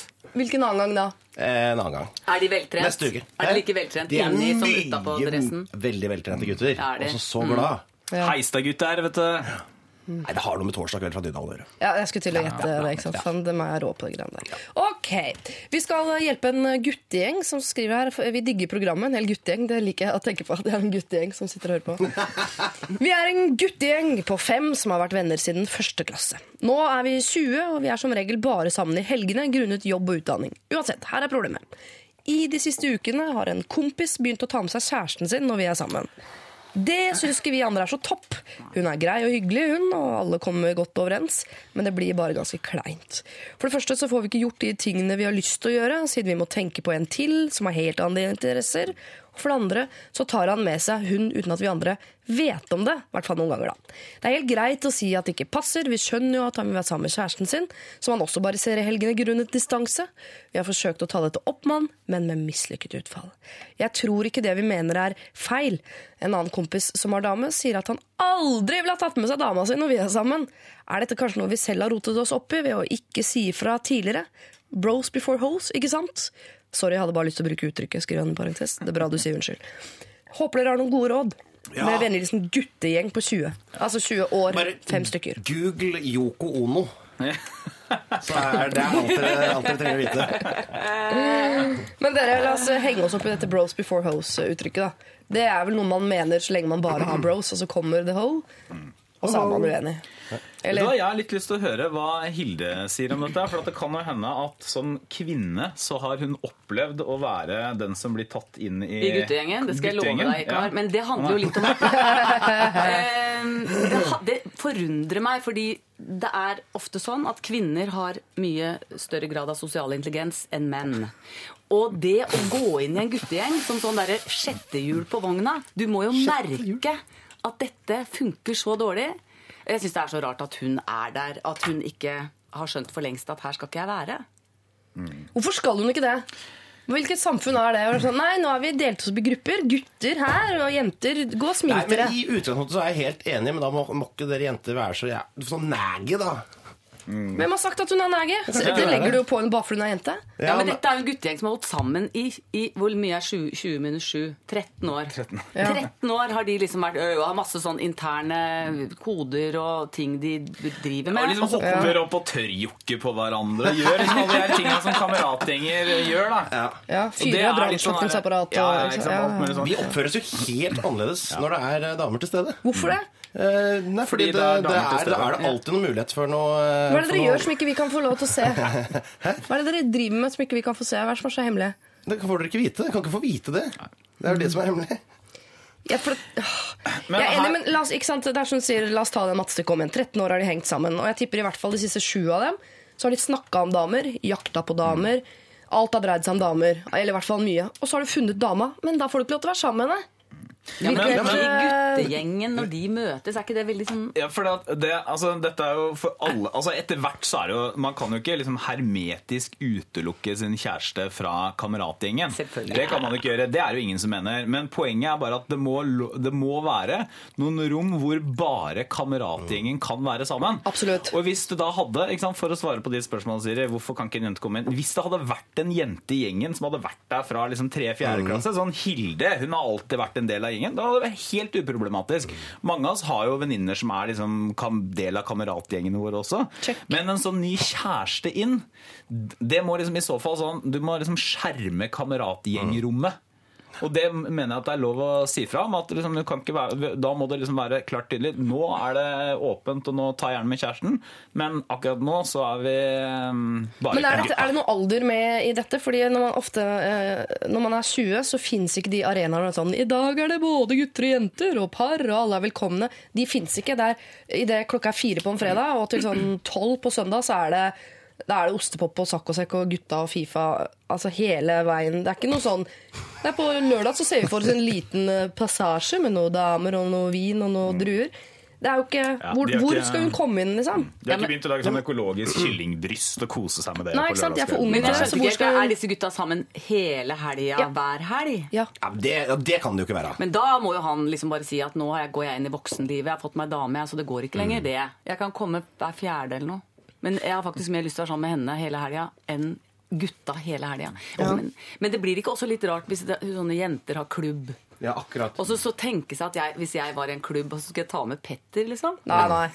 Det er, jo lov. det er liksom bare Det er noe med at det er en eget språk, det er en egen Ja. kode, det er en egen sånn avtale oss imellom. Og det går jo begge veier, så det blir liksom like sånn sosialt intelligent dumt. Ja.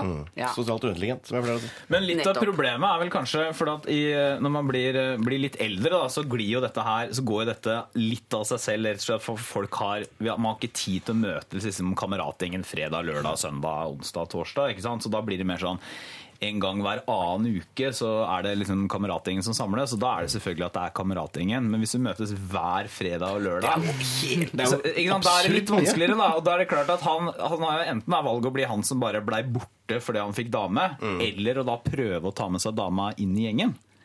Ja, men Han går jo an å så trappe ned litt på stillinga i den gjengen òg. De kan jo vel akseptere det? At han går ned til si en, i hvert fall en 50 stilling til å begynne med? da Attføringsgreier. Eh, Så kanskje han kommer tilbake når det blir slutt, for det blir det jo når de er sammen i så ung alder. Så blir det jo slutt snart. Antagelig. Det kan jo hende en, en av de andre fire også får dame. Vi får jo håpe det. Det er en annen som har en annen kompis har dame, sier at han aldri ville tatt med seg dama si når vi er sammen. Oi. Nei, men de er altså sammen fra fredag til søndag hver helg. Altså hele Det har jeg funnet men, på. men men, men jeg har kanskje, at, eh, kanskje løsninga er nettopp det. da At uh, han andre kompisen også må begynne å ta med seg dama si en gang iblant. Og da er det på en måte Nå er det med kjærester og sånn, for da kan uh, Men må de avtale ha må på forhånd, da? Ja. da. Ja. Det høres eh, For det er, det er litt, altså Jeg skjønner liksom angsten for det der å gå over til sånn parmiddaghelgene. Ja. Fordi de kommer jo i livet ditt. Og jo lenger du kan holde det på, på en armlengdes avstand, jo bedre er jo det. Ja. Selv om det er veldig koselig, altså. Ikke noe gærent med det. Plutselig må du begynne å se på fotballkamp sammen med brødrene til dama. Mora kommer. Jeg skal jo se fotballkamp sammen med Å ja, du refererte til Ja, meg! Ja, ja. Akkurat! Ja. Eh, Einar, hei, hei, Einar her. ja. Call- Callback. Men dette er jo også veldig sårt, for at hvis du skal ta det opp, så Det har de jo gjort allerede, han Ja, hører de har ikke. Gjort det. Ok, han hører ikke. Ja, ja, Ok, det han fikk ikke jeg med. Han hører ikke, rett og slett. Han vil ikke høre på Vi har det forsøkt å tatt det opp med han, men med mislykket utfall. Så de må forsøke igjen med noe hardere Altså, de må Ja. ta fram atombomba i kommunikasjonen der. Og hva er det? Det er sånn Dama di er en skank, og vi hater henne. Skank! Det, er- det, er, der hun. det er Ja, atombomba, det er men den, den utsletter jo alt. Ok. Også kameratgjengen. Ja, det er dumt. Eh, men vi er nødt til å komme opp med noen konstruktive ting som de faktisk som gjeng kan gjøre overfor denne kompisen. De må i hvert fall mentalt, mener jeg, og det virker som de er på eh, allerede. Altså, det, er ikke, det er ikke hun som er Yoko. Det er jo han, eh, han som er sammen med henne. Det er ikke Ja, men hun skal ikke inn i den gjengen. Så han Nei. får heller ta seg noen frihelger, altså. Ja. Det, sånn er det bare. Men Hvordan skal de få han til å skjønne det? da? Nei, Det Fryktelig tungnem type. Kilo Altså, begge de to må jo være fryktelig tungnemme. Både hun da, jenta, som ikke fatter at alt legges lokk på når hun kommer inn i rommet, og at ikke han fyren skjønner at dette er ikke noe særlig. Så den der 50 stilling jeg holder med deg, Einar. Ja. Altså, han må, de må si at uh, du kan nå være med annenhver gang uten dame. For Ja, dette er en gutteklubb! Ja. Men jeg Ja. synes jo også at uh, jeg er i utgangspunktet enig i det, men så vil jeg også sagt at av og til så må jo hun dama også få lov til å være med. Rett og slett for at du må liksom utvide gjengen litt grann, syns jeg da. Og det kommer flere damer der etter hvert, men, men du må på- først og fremst skjerme liksom da litt kameratguttetid. Det kan være da f.eks. annenhver eh, fredag. Ja. Eller noe sånt. Eller hver fredag, så kan du være sammen med dama på lørdag. Ja, for de Altså, de har ser hverandre ikke i uka, de heller. De ser hverandre bare i helgen. ikke sant? Hun har jo sikkert også sånn gjeng, tror du ikke? Sånn pyjamasparty, putekrig, eh, Som alle kvinner. Ja, ja, ja. Ja. Så, så det er jo så Sånn er det. Hun vil sikkert ikke ha med seg han bamsen sin. Han ærer bamsen sin på det greiene Men der. han vil sikkert gjerne være med på det. Ja, det tror jeg helt sikkert. Men er det et alternativ at denne guttegjengen bare turer på og gjør det de alltid gjør når det ikke er damer der, øh, i håp om å skremme henne litt bort? Hvis det bare er liksom øh, fising og rødcola og Fifa, liksom, så kan det være at den ikke er interessert. Da sprer det seg hvordan man egentlig er i jentemiljøet. Altså hvordan liksom er mennene egentlig er, og da er det avslørt. Da, Da blir alle gutter single. det, er hvert fall, det, det går veldig hardt utover de nærmeste. Men du, de må ha sånn der, jeg får sånn Hakkespettklubben ikke Ole Doldoffen er jo med i en sånn hakkespettklubb? Ja. Ikke sant? Og det er tydelig at denne klubben har ikke, har ikke statutter, har ikke lover. Så det, jeg tror kanskje at de nå må kalle inn til møte og si at nå skal være et skikkelig møte hvor vi definerer hva slags, hvem vi er, hvordan vi vil ha det når vi treffes. Jeg tror du glemmer hva at det er gutter nå. Ja, for dette er grunnen til at ikke jenter blir med i kameratgjengen. Altså. Guttegjeng 20. Du, unnskyld, hva? Denne uka her skulle vi spille Fifa, ikke drikke øl. Nei, men i forhold til det med damer og sånn Se på ukesplanen, folkens! Har dere glemt ukesplanen nå igjen? Det er ikke du politiker. Det er noen å sette opp litt sånne rammer. Hadde ikke det vært fint? da? Si rammene våre er at vi møtes uten damer. Det er jo ikke hva de skal gjøre, det er det der med dama som vi må prøve å få en Jo, men Du trenger ikke på. å liksom formalisere det i en lovkode og ha en sånn terminplan og sånn. Dra fram det rosa arket. Der står det Nei, Guttegjeng 20. Hva er, det mest, hva er det mest konkrete vi har kommet opp med her? da? 50 stilling. 50 stilling. Ja. Einar har Det mener vi. Ja, vi dere må ta det opp med han kompisen en gang til og komme med noe mer sånn konkrete forslag til hvordan dette skal løses. At Dere må dele, dere må gå inn det som om dere er foreldre med delt omsorg for et barn. Altså, Annenhver helg og sånn type. Hva syns du? 70% oss og 30 damer blir for mye? Litt sånn forhandling. Kan du ha den denne helga, og så videre? Sånn type ting. Og så kan damene få være med innimellom, men si fra på forhånd. Og så må du gjerne referere til Lørdagsrådet og si at alle der mente at dette var det riktige, og så er det du som tar feil osv. Det er lov å bruke som et argument, da. Eh, Selv om han høyrepolitikeren kverulerte litt. Grann. Det, ja, ja, ja, men han er politiker, så det er på en måte Det er, eh, står i statutten. Du, eh, lykke til, eh, hele gjengen. Og, men så må dere unne kameraten deres litt kjærlighet òg, da. Det er jeg for- forpliktet til å si, føler jeg. P3 Lørdagsrådet. på P3. Kurt Nilsen, det der, og hans uh, Never Easy. En uh, veldig Nå er det Einar Tørnquist som eh, tisser på radio.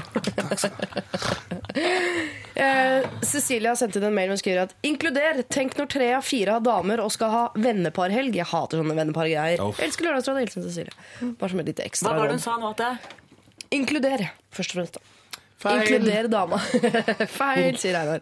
Moving on. Jo, men det var vel når tre par altså var tre par og én Ja, jeg utenfor. tenker Når alle Ja. begynner å få damer og sånn Ja, men det blir noe helt annet. ikke? Det blir det vi skal holde på armlengdes avstand inntil videre. Og så, Man kommer jo dit før eller senere hvor det blir eh, Nå har vi snakka om dette her. Ja, nå er vi ferdige med ja, det. Ja, Eh, Hilde Humlå, også rådgiver, og Torbjørn Røe Isaksen. Du, har vært, eh, du sitter og plukker på iPaden din. Ja, jeg gjør det. Nok hatt den oppi der. så sitter jeg og plukker på et sånt ubeskrivelig grelt amerikansk slips som jeg fant her, med USA-fargene på. Har du det på deg på det bildet vi la ut på Facebook? Jeg tok det, det, på på det bildet på Facebook. Det er Men det er da gøy. ikke mitt slips, jeg må bare understreke det. Det er så gøy med fjeset ditt, Torbjørn, for du har um, Man skal jo ikke si Ikke at si noe du angrer på nå. Nei, nei, nei. Eh, du ja, det er bare veldig lett å se for seg hvordan du så ut som baby. Skjønner du hva jeg mener? Du har et sånt utseende som jeg tenker at eh, Jeg ville ha sendt deg igjen på et babybilde med masse baby. Tenk, Der, Torbjørn. Sier du at jeg har et babyface? Ja, men Du har et sånn eh, mykt, mykt, mykt uttrykk. Takk. Takk. Ja, altså, veldig jeg, voksent fjes som barn, med, Ja. med sånn tjukk, sterk hake og Hadde du skjegg? Når, hvor tidlig kom det? det var i sånn seksårsalderen, syvårsalderen. Så Det det det ble det, som en medisinsk sensasjon. Nei, men jeg ser jo, jeg ser jo utgangspunktet ut uten skjegget, som jeg da har hatt i tror jeg nå 10 år, 15 år nesten, så ser jeg nok ut som jeg er 14 fortsatt. Bare litt tjukkere enn Ja, da jeg var sånn 14. babyface. ja, Hvilken alder var det du tok på skjegget? Nei, det var, jeg fikk sånn først, Dette var jo på 90-tallet, som Oi. eh, vi alle husker. Men Ja. da var det, så jeg hadde først sånn smultring, som var veldig populær på er 90-tallet. Bensinstasjon-smultringen? Ja, men den gangen så var det jo kult, for det var, liksom, det var veldig mange som hadde det. Var det ikke det? Hva er Eller det? var det bare jeg? Hvem som hadde det, Ja, sånn, nei, det var eh, mange sånn Er det sånn rund bart som går rundt og blir skjegg under? Ice-T. Det er ikke et sammenlignbar Og alle de eh, sånn nu-metall-folka følte alle de hadde smultring. Ja, de i Nickelback, for De- eksempel. Ja, men de kom jo seinere. Ja, de det. Dette var jo mer sånn ja, Jeg innbiller meg det i hvert fall at det var kult på 90-tallet. Jeg hadde i hvert fall det. Kanskje i Telemark kommune. Kanskje Det tror jeg kan kan noe å si. Ok, Vi skal ta et problem som er eh, Alle får svare, men dette her, her føler jeg at du har uh, førstehåndsinformasjon, Hilde. Fyr løs. Her er mitt problem. Jeg har en liten ekstrajobb som kurslærer, seminarlærer på et universitet om dagen. Her underviser jeg en gruppe på ca. 20 studenter på masternivå. De har altså studert i snart fire år, for å si noe om ca. aldersgruppe. Selv er jeg starten av 30-åra og gravid i femte måned med mitt andre barn. Magen er medium synlig, men fortsatt så liten at jeg ikke ville kommentert den. Jeg har på meg ganske vanlige, men ettersittende klær på jobb. Type olabukse, bomullstopp og en cardigan. Veldig detaljert og fint. I dag, altså den dagen hun sendte inn mailen, da, delte jeg ut et anonymt evalueringsskjema midtveis i kurset. Da jeg skulle lese gjennom tilbakemeldingene for meg selv etterpå, var det mange konstruktive og nyttige innspill til kurset, men så dukket det altså opp eh, et skjema med åpenbar gutteskrift som hadde kommentaren 'nice boobs'. Nei. Det neste skjemaet kommenterte graviditeten min på en hyggelig måte, men dog. Jeg er ikke uten humor og selvironi, men har da gått gjennom en ungdomstid hvor jeg har ledd pent av diverse sleivete kommentarer om puppene mine. Ja, de er store i glansdagene, og er det igjen nå som jeg er gravid. Men nå kjenner jeg at jeg har blitt så gammel og feministisk at jeg blir mektig irritert. Har vi ikke kommet lenger? Liksom. Må jenter fortsatt finne seg i å være sporty og le av idiotiske menn med sjåvinistiske komplimenter? Jeg har en klar mistanke om hvilken guttegjeng kommentaren kom fra, og jeg har lyst til å sette dem på plass. Bør jeg det? Og hvordan? I så fall vil jeg at de skal sitte igjen med en flau smak i munnen. Jeg ønsker på ingen måte å premiere, opp, premiere oppførselen deres med å gi en artig respons. Vel hilsen Snurtpupp. Altså hun spør skal jeg si fra, spør om det har hun svart på selv. Hun skal si fra hvordan gjør hun det. Men, men, men eh, var, en guttegjeng, var ikke dette ett og ett ark? At man har svart Jo, men hun, han er med i en guttegjeng Som har liksom, er av typen til å kunne si noe sånt. sånn. Mm, Jeg har sett så mange novellefilmer eh, om hvordan man skal straffe uh, disse elevene på Ja, internett. Du kaller det novellefilm? Ja, De er sånn 10-20 minutter lange. ja, ja. Og så må du lette litt ekstra på internett, men de ligger der. Ja, absolutt. Ja, da. Hva tenker du som lærer, uh, Hilde? Ehm, jeg klarer jo ikke å hisse meg opp. Nei. Jeg gjør jo ikke det. Nice boobs, takk. Greit nok, men gå videre. Eh, hva skal vi ta opp? Hva skal vi si? Hva skal hun si? At eh, jeg tror det er deg som har sagt at jeg har fine pupper. Eller kommentert puppene mine. Eh, jeg vil si jeg har ikke så innmari fine pupper. Det er nå det for ene. Og for det andre syns ikke du skal snakke om puppene mine. Nå står vi jo her og snakker om puppene mine veldig.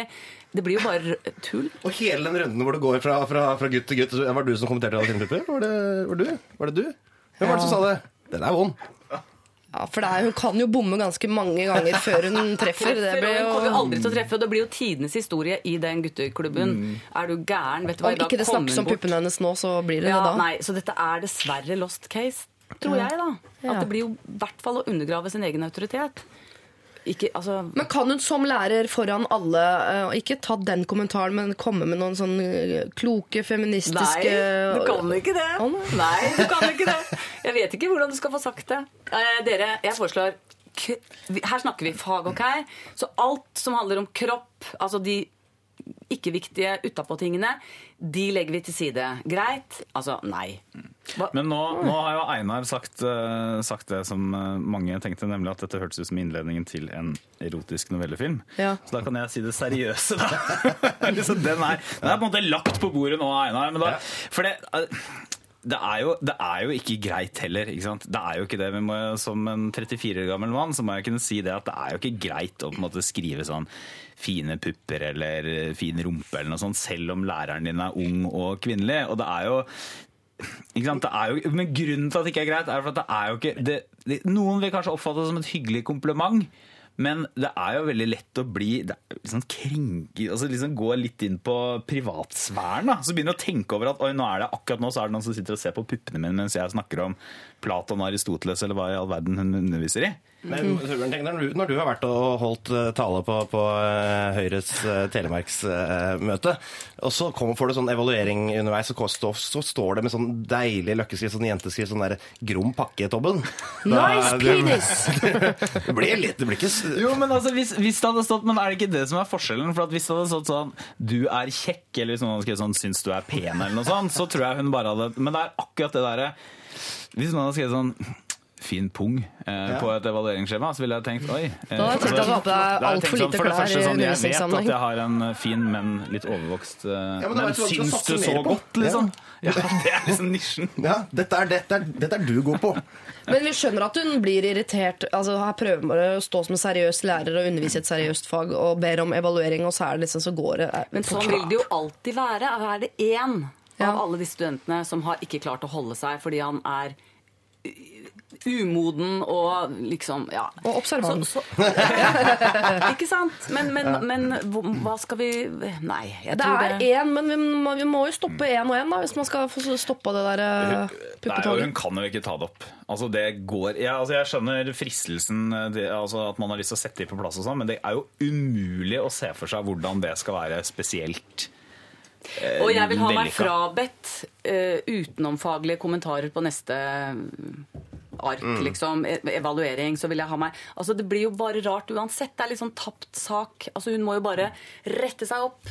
Og gå videre og bli den, den læreren som, som snakker så fascinerende om faget sitt at folk glemmer tid og sted og her, pupper og alt. her er ikke motsnakk eh, løsningen. Jo, altså, det å snakke hun- om vedkommende som skrev det inn siden. Nei, nei, nei. Det- det er ikke- det er ikke alltid det funker. Det blir novellefilmen din. Ja, nettopp. Ikke begynne å snakke om katten din istedenfor fag, for eksempel. Ikke Nei. gjøre det.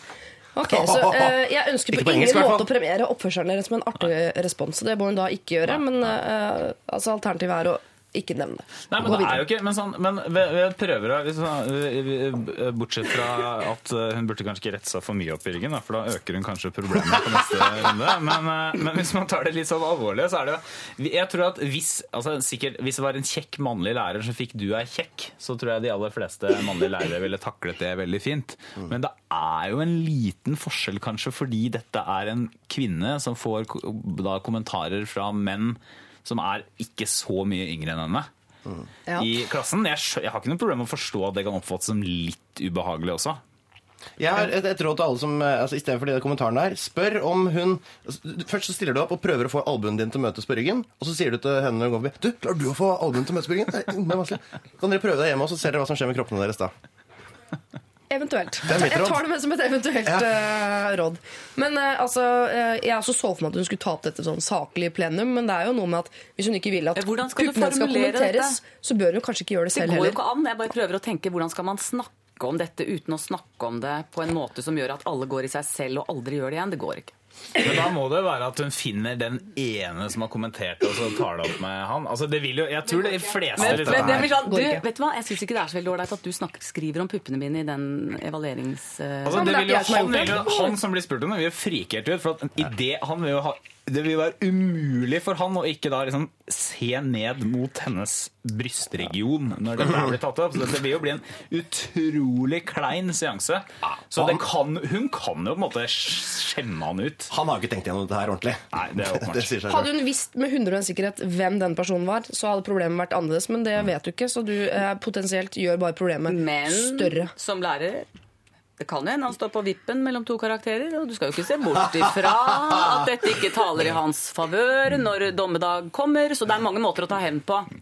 Igjen, da må du vite med 100 sikkerhet akkurat hvem det er som har skrevet den kommentaren. Så kjære snurt lærer, jeg tror for andre gang i dag at vi går for rådet silent treatment. Du er bare nødt til å gå videre og la ballene ligge døde. P3 Lørdagsrådet på P3. Det siste fra Lars Vaular, nonsens. Altså ikke det siste, men eh, det siste. Det foreløpig siste. Hva skal man si heller, da? Det nyeste. Ja. Altså Det er bedre. siste ut, så Ja, langt. Vi skjønner hva du mener. Blæ, Eller antageligvis det siste, går det an å si det? Nei, det tror jeg jo ikke man kan si om Lars Ok. eh, Vaular. Nei. Absolutt ikke. Nei vel. Han tror jeg han er en stayer. Han er en stayer. Ja, ja. Det får er bli ikke dine ord. Eh, dere, vi skal eh, ta et problem som kan virke noe bakpå eh, i, eh, i det at det dreier seg om VHS. Her har vi sittet i dag og snakket om eh, Twitter og alt mulig av den nye motens moro. Vi skal tilbake til VHS-tiden. Kjære Lørdagsrådet. Jeg er en mann på 27 fra Oslo som sliter med et aldri så lite problem. For fire måneder siden flyttet jeg sammen med kjæresten min, som jeg for øvrig er veldig glad i, da hun stort sett er grei, snill og hyggelig. For en måned siden dukket opp en aldri så liten antikk gjenstand i vår leilighet i form av en VHS-spiller, og det er greit nok, da det faktisk finnes film på dette formatet det ennå er verdt å se, og som det er vanskelig å laste ned, eller få tak i på DVD eller digitalt format. Problemet er hva samboeren min vil se på. Hun dro også fram en hel haug av VHS med gamle opptak av serier som Lassie, Skippy, Flipper, med reklame i pausen også. Jeg godtar jo at hun ser på dette fra tid til annen, men nå har det blitt hver kveld, og jeg begynner faktisk å bli litt lei. Jeg har snakket med henne om mengden av Lassi, og at jeg så smatt begynner å bli drittlei, men hun bruker det at jeg er glad i fotball og ofte ser på Premier League på lørdager og søndager mot meg, og sier at dette er bortkastet tid. Mandag denne uken fikk jeg heller ikke sett Manchester Derby uh, pga. Lassi-maraton. Kjære Lassi, hva skal jeg gjøre? Søle brus, øl eller noe annet i makkverket? Eller bare kreve at hun flytter alt tilbake opp på loftet? Hjelp! Hilsen mann som er drittlei. Lassi. Sånne maskiner er ganske lette å få ut av drift. Det er, ganske, det er ofte tre-fire skruer på hver side. Ta dekselet, så bare napper du ut én gjenstand der inne. Så virker den maskinen ganske bra, men den får ikke til det den skal. Frustrasjonen utløses, og problemet løst. Det hun driver med, Mm. er jo motsnakk. Aner det meg. Altså på denne Jeg aner meg at billedlig motsnakk? Ja, billedlig motsnakk. For det aner meg at det har vært mye fotball. Det er kamper hele tida. Du kan se kamp hele tida nå. Kvamp? Kan, sa jeg kvamp? Han kan det for lite fotball. Jeg er litt fin, fin jeg vet ikke, jeg sier det på min måte. Det er kvamper absolutt hele tiden. Ja, Men- kvamp. Det aner meg, for jeg, jeg, jeg tenker at hun har funnet sitt mot... Hun driver en sånn motangrep. Ja. Og at de, kanskje det hun drømmer om, er at de skal møtes over en kaffe eller en eh, shot eh, Ja. på en planke og si OK, hva, hvem gir og tar? Hva, hva blir vi enige om her? Men la oss si at de skal møtes på midten, som ofte er et godt råd til paret. da. Hva er midten Nei, av fotball og Det er eh, sånn delfinball. Har du ikke sett det? I sånne mange parker så er det delfiner som spiller ball og sparker ball. Det er faktisk ganske gøy. Tenker du på sjøløve, da? Ja, men også delfiner, tror jeg. Hvor de slenger ut en ball, og så er det til og med to delfinlag som spiller mot hverandre. Da sånn. spiller de mot hverandre. ja. Jeg Har de innbiller meg det. det Er det cup eller serie, da? Det er, det er, altså, cup er cup, og serie er serie, også når delfinene møtes. Men er de runde, de ballene? De er Ja, jeg tror det. Er, hva- er det begynner de med masse delfinaler, eller? Takk Den orker jeg ikke å høre den er veldig Vi ut av podkast. Men du, jeg må bare påpeke én ting. Altså, jeg tror ikke hun driver med motsnakk Snakk, eller motprogrammering, Nei, som det vel heter i medieverden. Jeg tror hun bare er ekstremt opptatt av Skippy the Bush Kangaroo. Det går jo ikke an. an. Gjør det og slutt. sånt. Ja. Det går bare ikke an. Ja, det går jo ikke Men det er noe feil i liksom premisset hennes. For det hun sier er sånn Jo, men du er jo opptatt av fotball, så dermed kan jeg være opptatt av eh, flipper og Lassie og sånn. Men problemet her er at fotball er jo nytt hver gang. Altså Problemet her er jo ikke at hun ser på TV-serier, det er at hun ser på TV-serier som er 30 år gamle, og som var urgamle allerede da hun tok de opp. Og hun vet hvordan det går. Ja. Altså, Altså, er det der- le... Ja, ja, ikke sant? De, de, Så det er ikke noe ingen- spenning der. Men det er koselig da å se igjen en, en, en regntung søndag, kanskje. Men ikke hele tiden. Så nå er jo noe helt galt med denne damen. Så Ja. hvis hun ikke driver med motprogrammering, så vil jeg tro at han har en tyngre Ja, for jeg blir Jobb. skeptisk til jeg, Sorry, jeg blir skeptisk til hun dama der. For eh, altså, Voksne folk som ser på Lassie eller Katja Sabeltann eller Hotell Cæsar eller hva det måtte være, det er, jo, men det er litt samme greiene. Der er det noe som eh, Der er også fire skruer på hver side og nappe ut noe, og så virker det ikke lenger. Fordi vi kan, virker Men det er jo noe hun har med begynt med etter at hun da Gledesstrålende fant denne VHS-spilleren. Så de, hun har jo ikke drevet med det til nå, så nå har det klikka litt. Grann sånn. Det går over så, det der. så hvis vi skrur ut, sånn som Einar sier, Ja. og så sier hun 'shit, nå har den gått i stykker', så sier han 'au da'. Så dumt. Da går jeg rett på finn.no. Og så, og så er det over, kanskje. Dette er bare en fase. Da begynner du å abonnere på Netflix og se på ting som er akkurat litt nyere enn Lassie, men fortsatt jævlig gammelt. Ja, det der argumentet mot uh, fotball hele tida. Du må huske på det at for menn vi har, alltid, vi har et veldig veldig flatt følelsesliv. Det er bare ett eneste område nesten hvor det er mulig å gå amok uh, i følelsesland. Grine og juble og alt er lov. Det er til og med det er, det er ment at det skal være sånn. Det er fotball. Det er er, ikke skihopping. Ja. Jeg trodde du skulle snakket om valgkamp. Jeg, nå. Det er valgkamp, det er fotball. Men du, jeg, har, jeg tror dette, det praktiske rådet eh, Det er jo rett og slett Er ikke dette, er ikke dette egentlig alle menns drømmesituasjon? For at dette er jo anledningen til å si Vet du hva, nå skal jeg Du skal nå få en kveld hvor du kan se på Lassie og Skippy og sånn, og så skal jeg ut med gutta og se fotball. Altså, du, dette er en unnskyldning til å komme seg ut av huset. De har to forskjellige interesser. Helt greit. Sitt hjemme, se Lassie og Skippy og sånn, og så kan jeg gå ut og se fotball. Til og med han går ut og ser fotball. Ja, ikke sant? Så da tenker jeg hun får noe å gnage på. Så hvorfor har ikke hun gjort dette her før? Dette er, det må begynne å tyde på kanskje at, at hun driver med sånn motpjatt. Jeg tror i hvert fall det er, eh, det er, eh, det er den måten å gjøre det på. Og, så må man være veldig forsiktig med den der Skippy-serien særlig, for at den har verdens mest irriterende sånn åpning, sant? Ikke sant? Så du begynner dum, Skippy Ja, der har vi den. Jeg syns vi må ha introen på Lassie. Det er ikke den helt lik? Skippy the Bush Kangaroo. Det er jo ikke Lassie. Nei, men det er lik den i begynnelsen. Å ja. Eh, nei. Å nei. Men jeg husker ikke åssen Lassie er. Nei vel. Nei vel. Hvem er best, da? Lassie, Skippy eller Flippy? Hvis de hadde møtt hverandre i en uh, Ultimate Challenge, de tre? Er jo, er jo eh, best, tror jeg.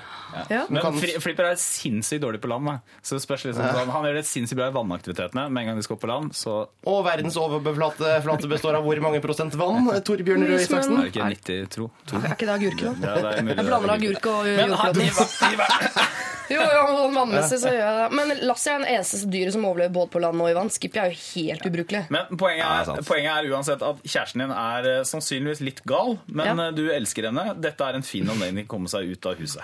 Ja. Jeg tror det blir eh, løsningen. Jeg hilser en mann som er drittlei Lassi.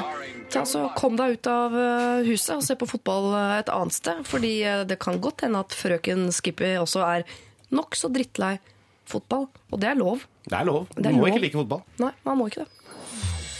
Dette er Lørdagsrådet På P3. P3. Fra VHS og til datarock. Dette var Fa Fa Fa i Lørdagsrådet. Og Diana vil bare slenge seg på i VHS-diskusjonen sin og skrevet inn på SMS. God år, eh, P3 1987. Jeg har fire store kasser med VHS-filmer som gis bort mot henting. Utvalg av komedie- og actionfilmer, som gir da et bedre utvalg enn bare Skippy, Lassie og Flipper, som de hadde tilgang på. Og så Hilde, har du fått en liten uh, kjærlighetserklæring her fra Morten. Kjære Hilde, å si at jenter har sosial intelligens angående dette, vil jeg si at du tar feil. Det er jo ingen gutter som trenger seg på jentegjenger, men jeg syns ellers du er en generelt klok og koselig dame. Jeg digger deg faktisk. Hjerte. Morten. Å, så koselig. Men altså, det var jo det jeg sa. At denne dama mangler sosial intelligens ved å trenge seg inn i gutteklubben, Morten. Så jeg er helt enig. vi er helt enige. Jeg har bare uttrykt meg uklart, da, tydeligvis. Hør etter, Morten. Ellers så følger ikke du godt nok med. Nå, han er blendet av jeg- jeg stemmen din, ikke sant? Han hørtes så er Veldig ålreit fyr, syns jeg, han Morten. Ja. Ja. Men nå er du på tredje runden, så nå tror jeg vi skal roe oss. Okay. Eh, eh, en som heter Evy Beck. Uh, jeg vet ikke hvordan det uttales. Evy med to e-er, i hvert fall. I all verden. Rart navn. Hun bør, og dette er da til en diskusjon vi hadde i stad om eh, lærerinna som hadde fått kommentar på evalueringsskjemaet om at hun hadde nice boobs. Så var usikker på hvordan hun skulle få data på det. Hun bør fagliggjøre evalueringssituasjonen, dvs. Si snakke til studentgruppa om hensikten med midtveisevalueringen. Dette kan hun gjerne gjøre nå, etter evalueringen, uten at hun trenger å si noe om hvorfor hun velger å si noe om det. Da styrker hun sin autoritet som lærer, og sin posisjon som en lærer som er interessert i deres meninger om hvordan hun underviser, og hvordan de bedre kan lære. Trolig vil de gjøre terskelen høyere for at disse studentene skriver useriøse kommentarer neste gang de fyller ut et skjema. Enten det er til henne eller til andre under, i undervisningen. Eller kanskje ikke. Det er fint at du gjesper, Einar Tørnquist. Vi skal nemlig inn i gjespeland. Rett på andre siden av Justin Timberlake og hans Mirrors. Så skal vi ta opp A- og B-problematikk. Og da er det ikke gjengen vi snakker om, Oi. men av typen menneske man er, hva søvn angår. Dette er Lørdagsrådet. På P3. P3. Justin Timberlake, God morgen, Mirrors, hørte vi der. Og du hører på Lørdagsrådet her på P3. Einar Tørnquist sitter og lager kysselyder. Er du litt forelsket i Justin Timberlake, eller? Jeg er forelska i alt, alltid, alle, eh, hele tiden. Ja. Ja, men det er bare nå fordi du er nyforelska for du har fått deg dame, ikke sant? Ja. Ja, Så man går ut og oser løv. Æsj, det, det er ikke lov å si. Er Hva da? Oser Så løv? Jeg vet ikke hva det betyr engang. Nei. Ja, jeg skal forklare deg det. Ja, jeg gjør det. Eh, Torbjørn Røe Isaksen, også delvis uh, nygift, men du er ikke så at du liksom bare Jeg har vært gift i to år, da. Ja, ikke sant. Du sitter ikke og kysser ja. på radio Nei, og er ikke helt ute, på en synes det er helt, helt, barn, helt barnslig. Og Hilde Hundvold, du har fått et mye mer sånn ryddig og nøkternt forhold til det der Mer verdig forhold til det, liksom. ja, ja. Dere, vi skal, ikke, vi skal bevege oss bort fra kjærlighet, noe som er litt atypisk for Lørdagsrådet. Over, men vi beholder oss i sengeregionen allikevel. Hei sann, jeg er et B-menneske som sliter med å stå opp om morgenen med mindre jeg skal noe viktig. Jeg er student med mye ettermiddagsundervisning som må sjelden st- stå tidlig opp, egentlig.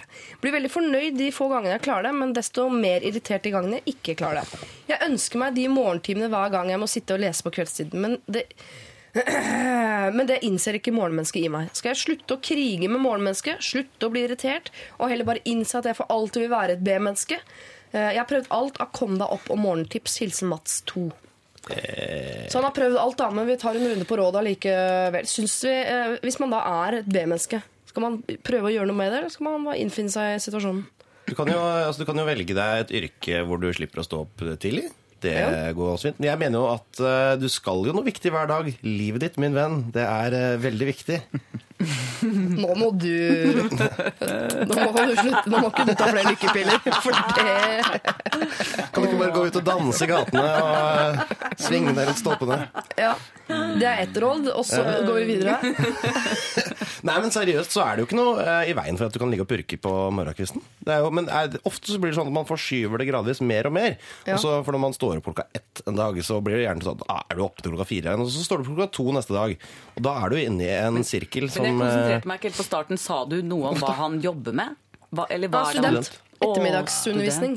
Å ja, men det er da ikke noe grunn til Det som er så dumt, vet du, er at, at den gremmelsen skal formørke livet ditt. Altså, det blir dumt. Ja. Så da syns jeg så lenge du er student, vær lykkelig B-menneske. Kan lese mye bedre om natta. Og, sov med god samvittighet. Ellers så blir det bare rot. Ja. Hvis du så skal våkne 11-12 og så får dårlig samvittighet, og så gjentar dette seg resten av ditt liv. Og det er dumt, ikke sant, Det er veldig dumt. Ja. Men før eller senere kommer du igjen i arbeidssituasjonen. Og da kommer han til å stå opp. Ungene tyter ut Ja, i alle ender, og da Så nyt det så lenge du er young, free and single. Jeg syns du skal gremme deg. Ja. Skjerp deg, sier jeg.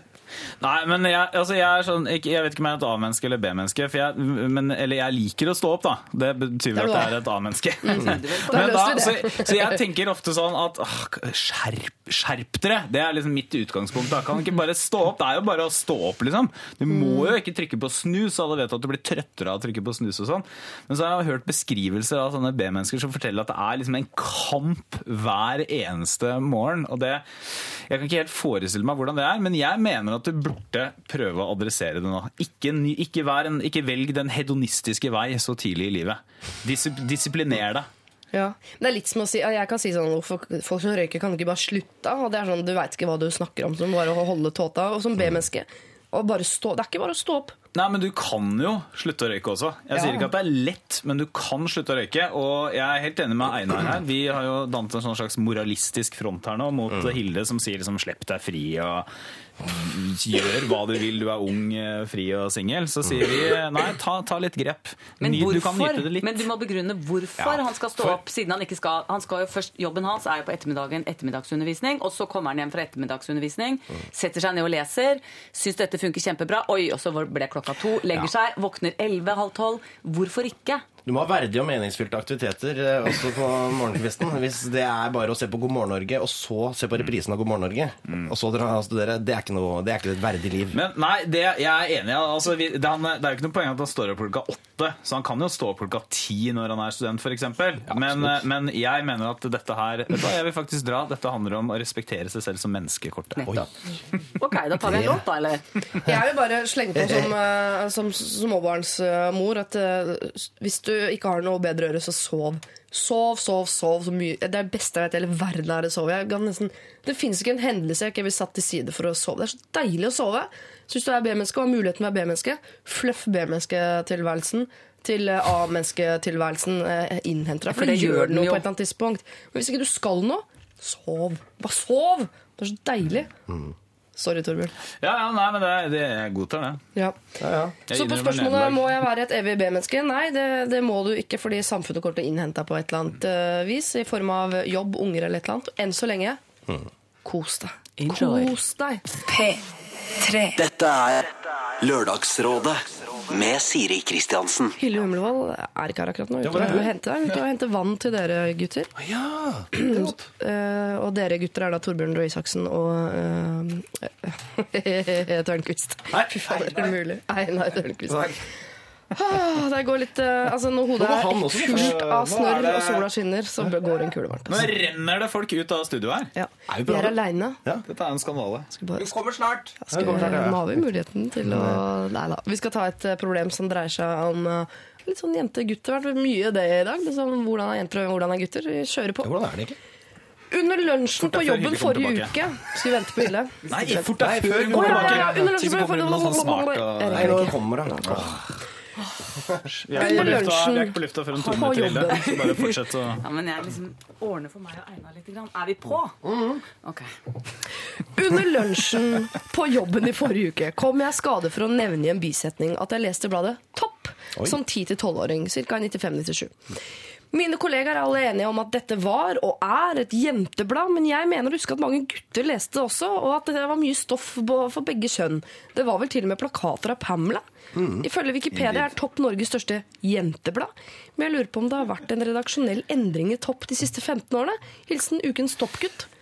Det var jo til og med dette bildet, fiskegarnbildet av Pamela, ja, jeg tror jeg vi fant i Og, Var det ikke der krigen Pamela mellom Pamela Lee Anderson. og Winona Ryder var det plakater av. Og, og, og det, det var jo det som kanskje er det verste med Topp, som det var før. Det var jo at mange skrev jo inn til spalten Tor Tørr. Ja, Var det Tor Milde? Og fikk råd av en som heter da Tor Ja. eh, Milde, Milde, som ja. ingen visste hvordan han så ut. Helt til han da plutselig dukket opp som i all sin velde, må man vel kunne si. Ja. Skuffet han mange, mener du? Jeg tror nok mange unge tenåringsjenter hadde sett for seg For han hadde et sånn litt sånn sexy bilde, husker jeg, i, eh, som var liksom hans byline-bilde. da Som var, åpenbart var et bilde av en annen. det sa du. Men er det ikke til og med Topp som hadde denne krigen mellom Og dette er gamle referanser, men hadde den krigen mellom uh, Samantha og Sabrina? Hvem er egentlig deiligst? Topp. Ja, kanskje var det. Det er mulig, det vet ikke jeg. Ja, jeg husker ikke. Jeg leste mange manneblad på den tida. Starlet uh. Penn i klubben. Han spør om det har vært en redaksjonell endring i Topp. Det kan vi ikke svare på. Det men- vet vi vel ikke, men det var i hvert fall et blad som også gutter kunne lese. Det er jeg Mm. ganske sikker på, For jeg kjøpte Topp, og så kjøpte jeg det tyske Bravo. Det, for det kostet bare sånn 7 kroner og 50 øre eller noe sånt. Jeg kunne ikke noe tysk, men jeg kunne klippet bilder av eh, a-ha Europe og eller Hvor gammel var du da? Det sånn 14-15 eller noe sånt. 12-13. Ja. Hvordan går det med Ace of Base, egentlig? Har de, De er jo blitt eh, nazister, ja, hele de er gjengen. nazister, De viser er det nazister, Det viser seg at. I Saw The Sign handler om å tilbe svastika. Ah, Ops, de, har, eh, de har lagt seg på den. eh. Ja, ja, ja. Her, Men eh, leste du Topp, Einar? Nei, ikke sånn veldig aktivt. Så du på bildene, da? Jeg, ja, jeg så på bildene. Åssen er det med deg, Hille? Nei, altså jeg har kunne jo like gjerne blitt der ute og hentet med enda mer vann. Nå er det nok vann her. Nå er det Ja, nok men, vann her. men jeg har ingenting å tilføye. Leste du Norsk Ukeblad og Nei, jeg har aldri vært sånn der Nei. Nei. Ikke hekleoppskrifter. Syn og. Sein? Har dere det? Prismet. Det var en del sånne Nei. Svaret er i grunnen litt nei. Svaret er nei. Svaret er nei. Ja. Men Torbjørn, du også leste. Jeg, Jeg leste tror opp. Det har, hvis det i dag er et rent jenteblad, så har det vært en redaksjonell endring. Selv om det var veldig mye om New Kids on the Block, som var da et gammelt boyband eh, da jeg var ung. Og det var annet en stor kampanje for Danny, en litt vi må kunne si det nå i ettertid, en litt stygt medlem av New Kids on the Block, som så ut som en litt kjekkere variant av The Joker fra Batman. Ja, var det han som så litt ut som sånn at han var typecasta til Planet of the Apes? Jo, Altså, eh, type- jo ikke sant. Og han, hadde, han sto fram i topp og klaget over at han ikke fikk nok fanbrev. Nemlig, de hadde mange sånne kampanjer på det. Så det var nok litt jentete, men allikevel nok for gutta til at Det var Var det Danny? Er ikke Danny broren til Mark Wahlberg, som var liksom han eh, hotteste? Eh, Nei, Det var det var Don. Donny. Donny var det, ja. Boyband kunne være styggere før. Det var gøyere. Ja. Tenk på 80-tallet, da var Phil Collins var den største stjerna på Live eh, Aid. Du kunne, spilte på to kontinenter. Det var ingen så større stjerne i verden enn Phil Collins med hockey. Det, det, det var tider, det. Men han var vel ikke, det var vel ikke akkurat et boyband. Han var ikke et boyband. han. Spilte jo i boyband Men, Genesis. men, på men tenk på sånn, altså, men Ringo Starr tilbake på 60-tallet var jo et sexsymbol, og han ser ut som han har blitt slått med en stekepanne da han var liten. Å, det er så deilig å hvelve seg sånt. Er, nå, nå koser vi oss. Men dere, eh, jeg tror eh, eh, Kort prosess. Altså, for jeg tror det her er det en usikker toppgutt som bare- trenger å høre at han er ikke den eneste gutten som leste topp på, i sånn 95-97. Men nå er han toppløs. si. Lørdagsrådet på P3. er nå der at vi skal dele ut en T-skjorte. Torbjørn, Hilde og Einar, dere skal gi altså en T-skjorte i dag til eh, den dere mener at fortjener det mest. Jeg skal gå gjennom hvilke problemer vi har tatt. Vi starta friskt med ei jente som lurte på om eksen hadde vært utro i, det, i den tidsperioden hvor det blei slutt. Så jeg var usikker på om hun skulle konfrontere han med det. Og så gikk vi videre da med en som har en eks som er eh, ikke bare russ, men også rasshøl. Som driver og sender han bilder av seg og andre gutter på telefonen. Vi har eh, hun som har en sjef som skryter hele tiden av hvor mye han trener, og hvor mye musklene hans vokser til enhver tid. Så har det denne guttegjengen, da, fem gutter i 20-åra som syns det er irriterende med han ene som har fått seg dame nå, som han tar med seg på guttekvelder. Det vil han slutte slutt på. Vi har den uh, læreren med nice boobs som har fått en kommentar på det i et evalueringsskjema, og gjerne ville si fra, men lurte på hvorfor. Fikk beskjed om at det skulle hun ikke. Så har vi da eh, VHS-kassetten til Besvær. Altså Det er en kvinne som har brakt VHS-spilleren inn i, i forholdet, og med den skipper, eh, flipper og Lassie. Lassie, ikke sant. Mm. Og han ville heller se på fotball, da, så vi sendte han ut på pub. Jeg er et evig B-menneske, en som er B-menneske, men har dårlig samvittighet. Eh, Torbjørn mente at eh, det bør du ha, din slabbedask, kom deg opp. Eh, Mens andre her fikk han dag i hør for at kos deg så lenge du kan. A-mennesketilværelsen innhenter deg. Og til slutt her, en gutt som har lurt på om topp var det i sin tid bare for jenter, eller var det noen gutter også som leste det? Det, det vinner jo ikke noe T-skjorte. det dilemmaet det, der. Nei, er, det det får ikke en T-skjorte altså. Jeg har jo ikke det jeg skulle ha sagt, men det er mulig jeg hadde sagt noe der. Ja. Ja. Jeg vet hvem det er mest synd på, i hvert fall. Ja. Og det er vedkommende som har en sjef i starten av 20-åra som slutter av trening. du syns oh, ja, du det? syns det? Det, det er den personen jeg minst ville vært selv. Er Men ikke han som får Snapchat-meldinger Snapchat. av ekskjæresten, som er nå er ute og morer seg i russetida. Men du, hvis han med Snapchat får T-skjorta, hva kunne han skrevet på denne og tatt Snapchat og sendt tilbake? Men er det, jeg tror det står noe på denne T-skjorta. Du skulle ikke ha silent treatment. Å ja, nå glemte vi eh, da silent Jeg tror, treatment. jeg tror Ja. du synes Faren er veldig stor for at det står et eller annet sånn P3 det? eller noe sånt. Eh, Det er er ikke en for hvit. T-skjorte hvor du bare kan skrible på sånn. Jeg hater deg, slutt å Nei, plage men meg du, på vi, vi, vi må ikke gå bort ifra at det var silent treatment, og det mener vi. Så det kan, han kan ikke gjøre det, i hvert fall. Men han kunne fortjent en T-skjorte. Og vi har vel Fordi neppe størrelse til hun læreren, så Jeg vet som er, som er det. gravid. Det er ikke ekstrasmål, for å si det sånn. Bli enige. Ja, ja, så jeg jeg har tar, med Snapchatten. Ja, jeg også jeg tar dissens. Uh, nei, jeg, jeg får ikke gjort noe med er vel demokrati her òg, som alle andre kjedelige steder i verden. Så blir det, blir det som det blir, da. Mr. Snapchat får en eh, T-skjorte eh, med uh, trykket P3 på. Gratulerer til deg. Tusen takk til dagens rådgivere Einar Tørnquist, Hilde Hummelvold og Torbjørn Røe Isaksen. Hvis ikke du har fått med deg disse tre herlige rådgiverne, så kan du gjøre det i form av podkast. Tusen takk for i dag. Høres om en uke. Ha det. Ha det. Ha det bra. Jeg er glad i deg. Siste Jeg er så glad i deg. Dette er Lørdagsrådet På P3. P3.